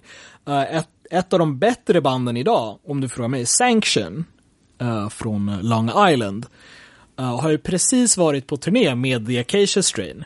Ah. Där det då kom fram eh, från eh, sångaren i The Acacia Strain att de, eh, sångaren i Sanction och sångaren i The Acacia Strain har ju haft så här, diskussioner varje kväll och suttit och blivit nostalgiska. Skillnaden har ju varit att sångaren i Sanction bara, åh, kommer du ihåg det här bandet? De var så jävla bra.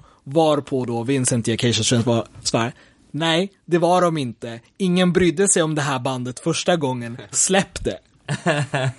Men det, det, det, är det, är liksom, det är lite den här ekonomin som går. Att så här, så här, nu är ju uh, amerikanska kids nostalgiska över band som typ Martyr AD och tidiga A-Team Visions och eh, ja men som sagt, Poison the Well. Vilket, alltså Renounce låter ju som Poison the Well. Ja men precis.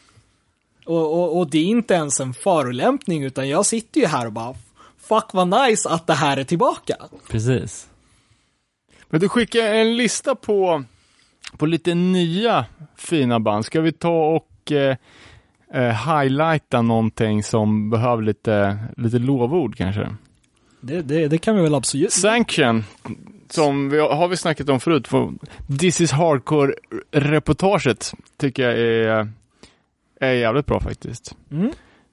Sanction, Sanction är ett av mina favoritband just nu, absolut. Och de har ju äntligen en fullängdare på G. Uh, nu, nu verkar ju som så här clearinghouset för metalcore 2019 är Pure Noise Records. De har ju plockat upp, alltså både en del äldre band, alltså jag tror Terror ligger väl där nu va? Jaha, okej. Uh, men de, de har ju plockat upp Knocked Loose till exempel. Just det, Som- men det här är ju någon sorts större bolag. Eh, Ja, men de, de har ju lyckats bli ganska stora i och med sina släpp. Uh, Knocked Loose uh, fullängdaren var ju en jävla stor hit för dem. Och, och sånt här. Det är också liksom, man, man kan ju peka på vilket band som Knocked Loose har lyssnat på, för att Knocked Loose har ju uppenbarligen lyssnat på Disembodied. Så att om det är någon här som inte kände till Disembodied men lyssnar på Knocked Loose, snälla gå och lyssna på Disembodied. Om det är någon som lyssnar på Disembodied men inte Knocked Loose, gå och lyssna på Knocked Loose, snälla. Fan, den complain har jag faktiskt aldrig tänkt på. Den, jag tänkte att Knocked Loose är mycket cleanare. Men, men, eh, alltså det, det är liksom som ett så destillat. Alltså, jag gillar ju Disembodied, men kan tycka att de har lite för mycket halvdassiga spår på skivan. Och det är som Knocked Loose också har tänkt det och bara så okej, men vi ska, vi ska trimma fettet på Disembodied. Om, om ni frågar mig. Vad hade du med på din lista då, förutom Sanction? Um, ja, jag tycker att, alltså det, det senaste året har jag ju stadigt lyssnat på Vamakara från eh, Kalifornien. Eh, riktigt bra band. Jag, om jag inte misstar mig nu så är det medlemmar från Harness som är med och så är det även från ett annat band som är aktuellt just nu som heter Hands of God som de delar medlemmar med. Okej. Uh, som också är det, vad ska man säga, men det är liksom, det är lite uh, Archangel möter Martyr AD. Uh, mycket breakdowns. Mycket lite Slayer. slams, Lite Slayer, exakt. Ingen skönsång. Ingen chansång alls faktiskt. Nej, Hands of God tycker jag är, de diggar jag också så fan. Det var en av de största behållningarna från när Gabetel var och tipsade om nya band här. Och de har ju släppt nytt sedan dess också som, eh, som är fet. Um, vad mer? Uh, jag vill slå ett slag för, om vi ska ta något som låter som en lite äldre band så är ju Purgatory jäkligt bra. Uh, de, de sneglar ju så mycket på All Out War att de till och med tog med uh, Mike Score på sin senaste fullängdare. Uh, så att där är det inte ens en fråga om finlir utan det är ju bara gruff Ja, precis. Det är ju mera åt gruffhållet. De släpper ju också på Unbeaten Records som är Stigmata, folkets bolag. Exakt. Um, verken är jäkligt trevliga tycker jag. Vad heter de? Verken, som i Vatikan. Okej, ja, jag har missat. Um, gans, lite så här dissonant. Um, Ja men bra, jag tror att vi börjar nå vägs ände här med metalcore. Vi har ju snackat om eh, många olika genrer här nu. Vill ni se mer av den mer tvivelaktiga follan så kan ni kolla in eh, vårt inlägg på, på Facebook där det länkades friskt bland annat till någon australiensare som stod och dansade med en gitarr i vattnet. Eh, g- grymt eh, oskön snubbe. Ja, det var ju riktigt mycket dåliga grejer där alltså. Eh, vi, eh, vi ska väl ta och säga stort tack till Gabbe eh, som, eh, som var med här och, och fyllde i. Eh, och eh, vart, om man vill komma i kontakt med dig så kan man kolla in, jag vet att du finns ju på Instagram. José X Gabriel. Inte Josex Gabriel, like seriöst. José X Gabriel, det är mitt namn motherfuckers. eh, och eh, du har även lite, du hintade ju om det i början av avsnittet men man kan hålla koll på eh, Cartesian, som eh, släpper ett nytt album förhoppningsvis snart. Det är inspelat färdigt och bör komma ut under året. Och även som sagt ett till projekt som jag inte tänker nämna namn på just nu bara för att du vet, jag vill, jag vill, jag vill, inte, jag vill inte förstöra det. vi inte jinxa det. Exakt. Ja, vi brukar, det brukar alltid bli livat eh, i, i DM-inkorgen kring, ja vad är det för slutlåt vi spelar? Och eh, nu kan vi bara droppa här vad det är vi ska köra. Eh, Okej, uh, gud jag kom på två, två till rekommendationer så här, uh, apropå ingenting och det ena är ju bandet Chamber. Det är amerikanska, inte det brittiska, Okej. som spelar uh, lite noisig eh, metalcore, som är jättebra. Men jag ville avsluta faktiskt med eh, ett band från Portland som heter Dying Wish och låten heter Autumn's Final Sun. Då, eh, då kör vi den och så säger vi tack för den här gången. Tack och hej.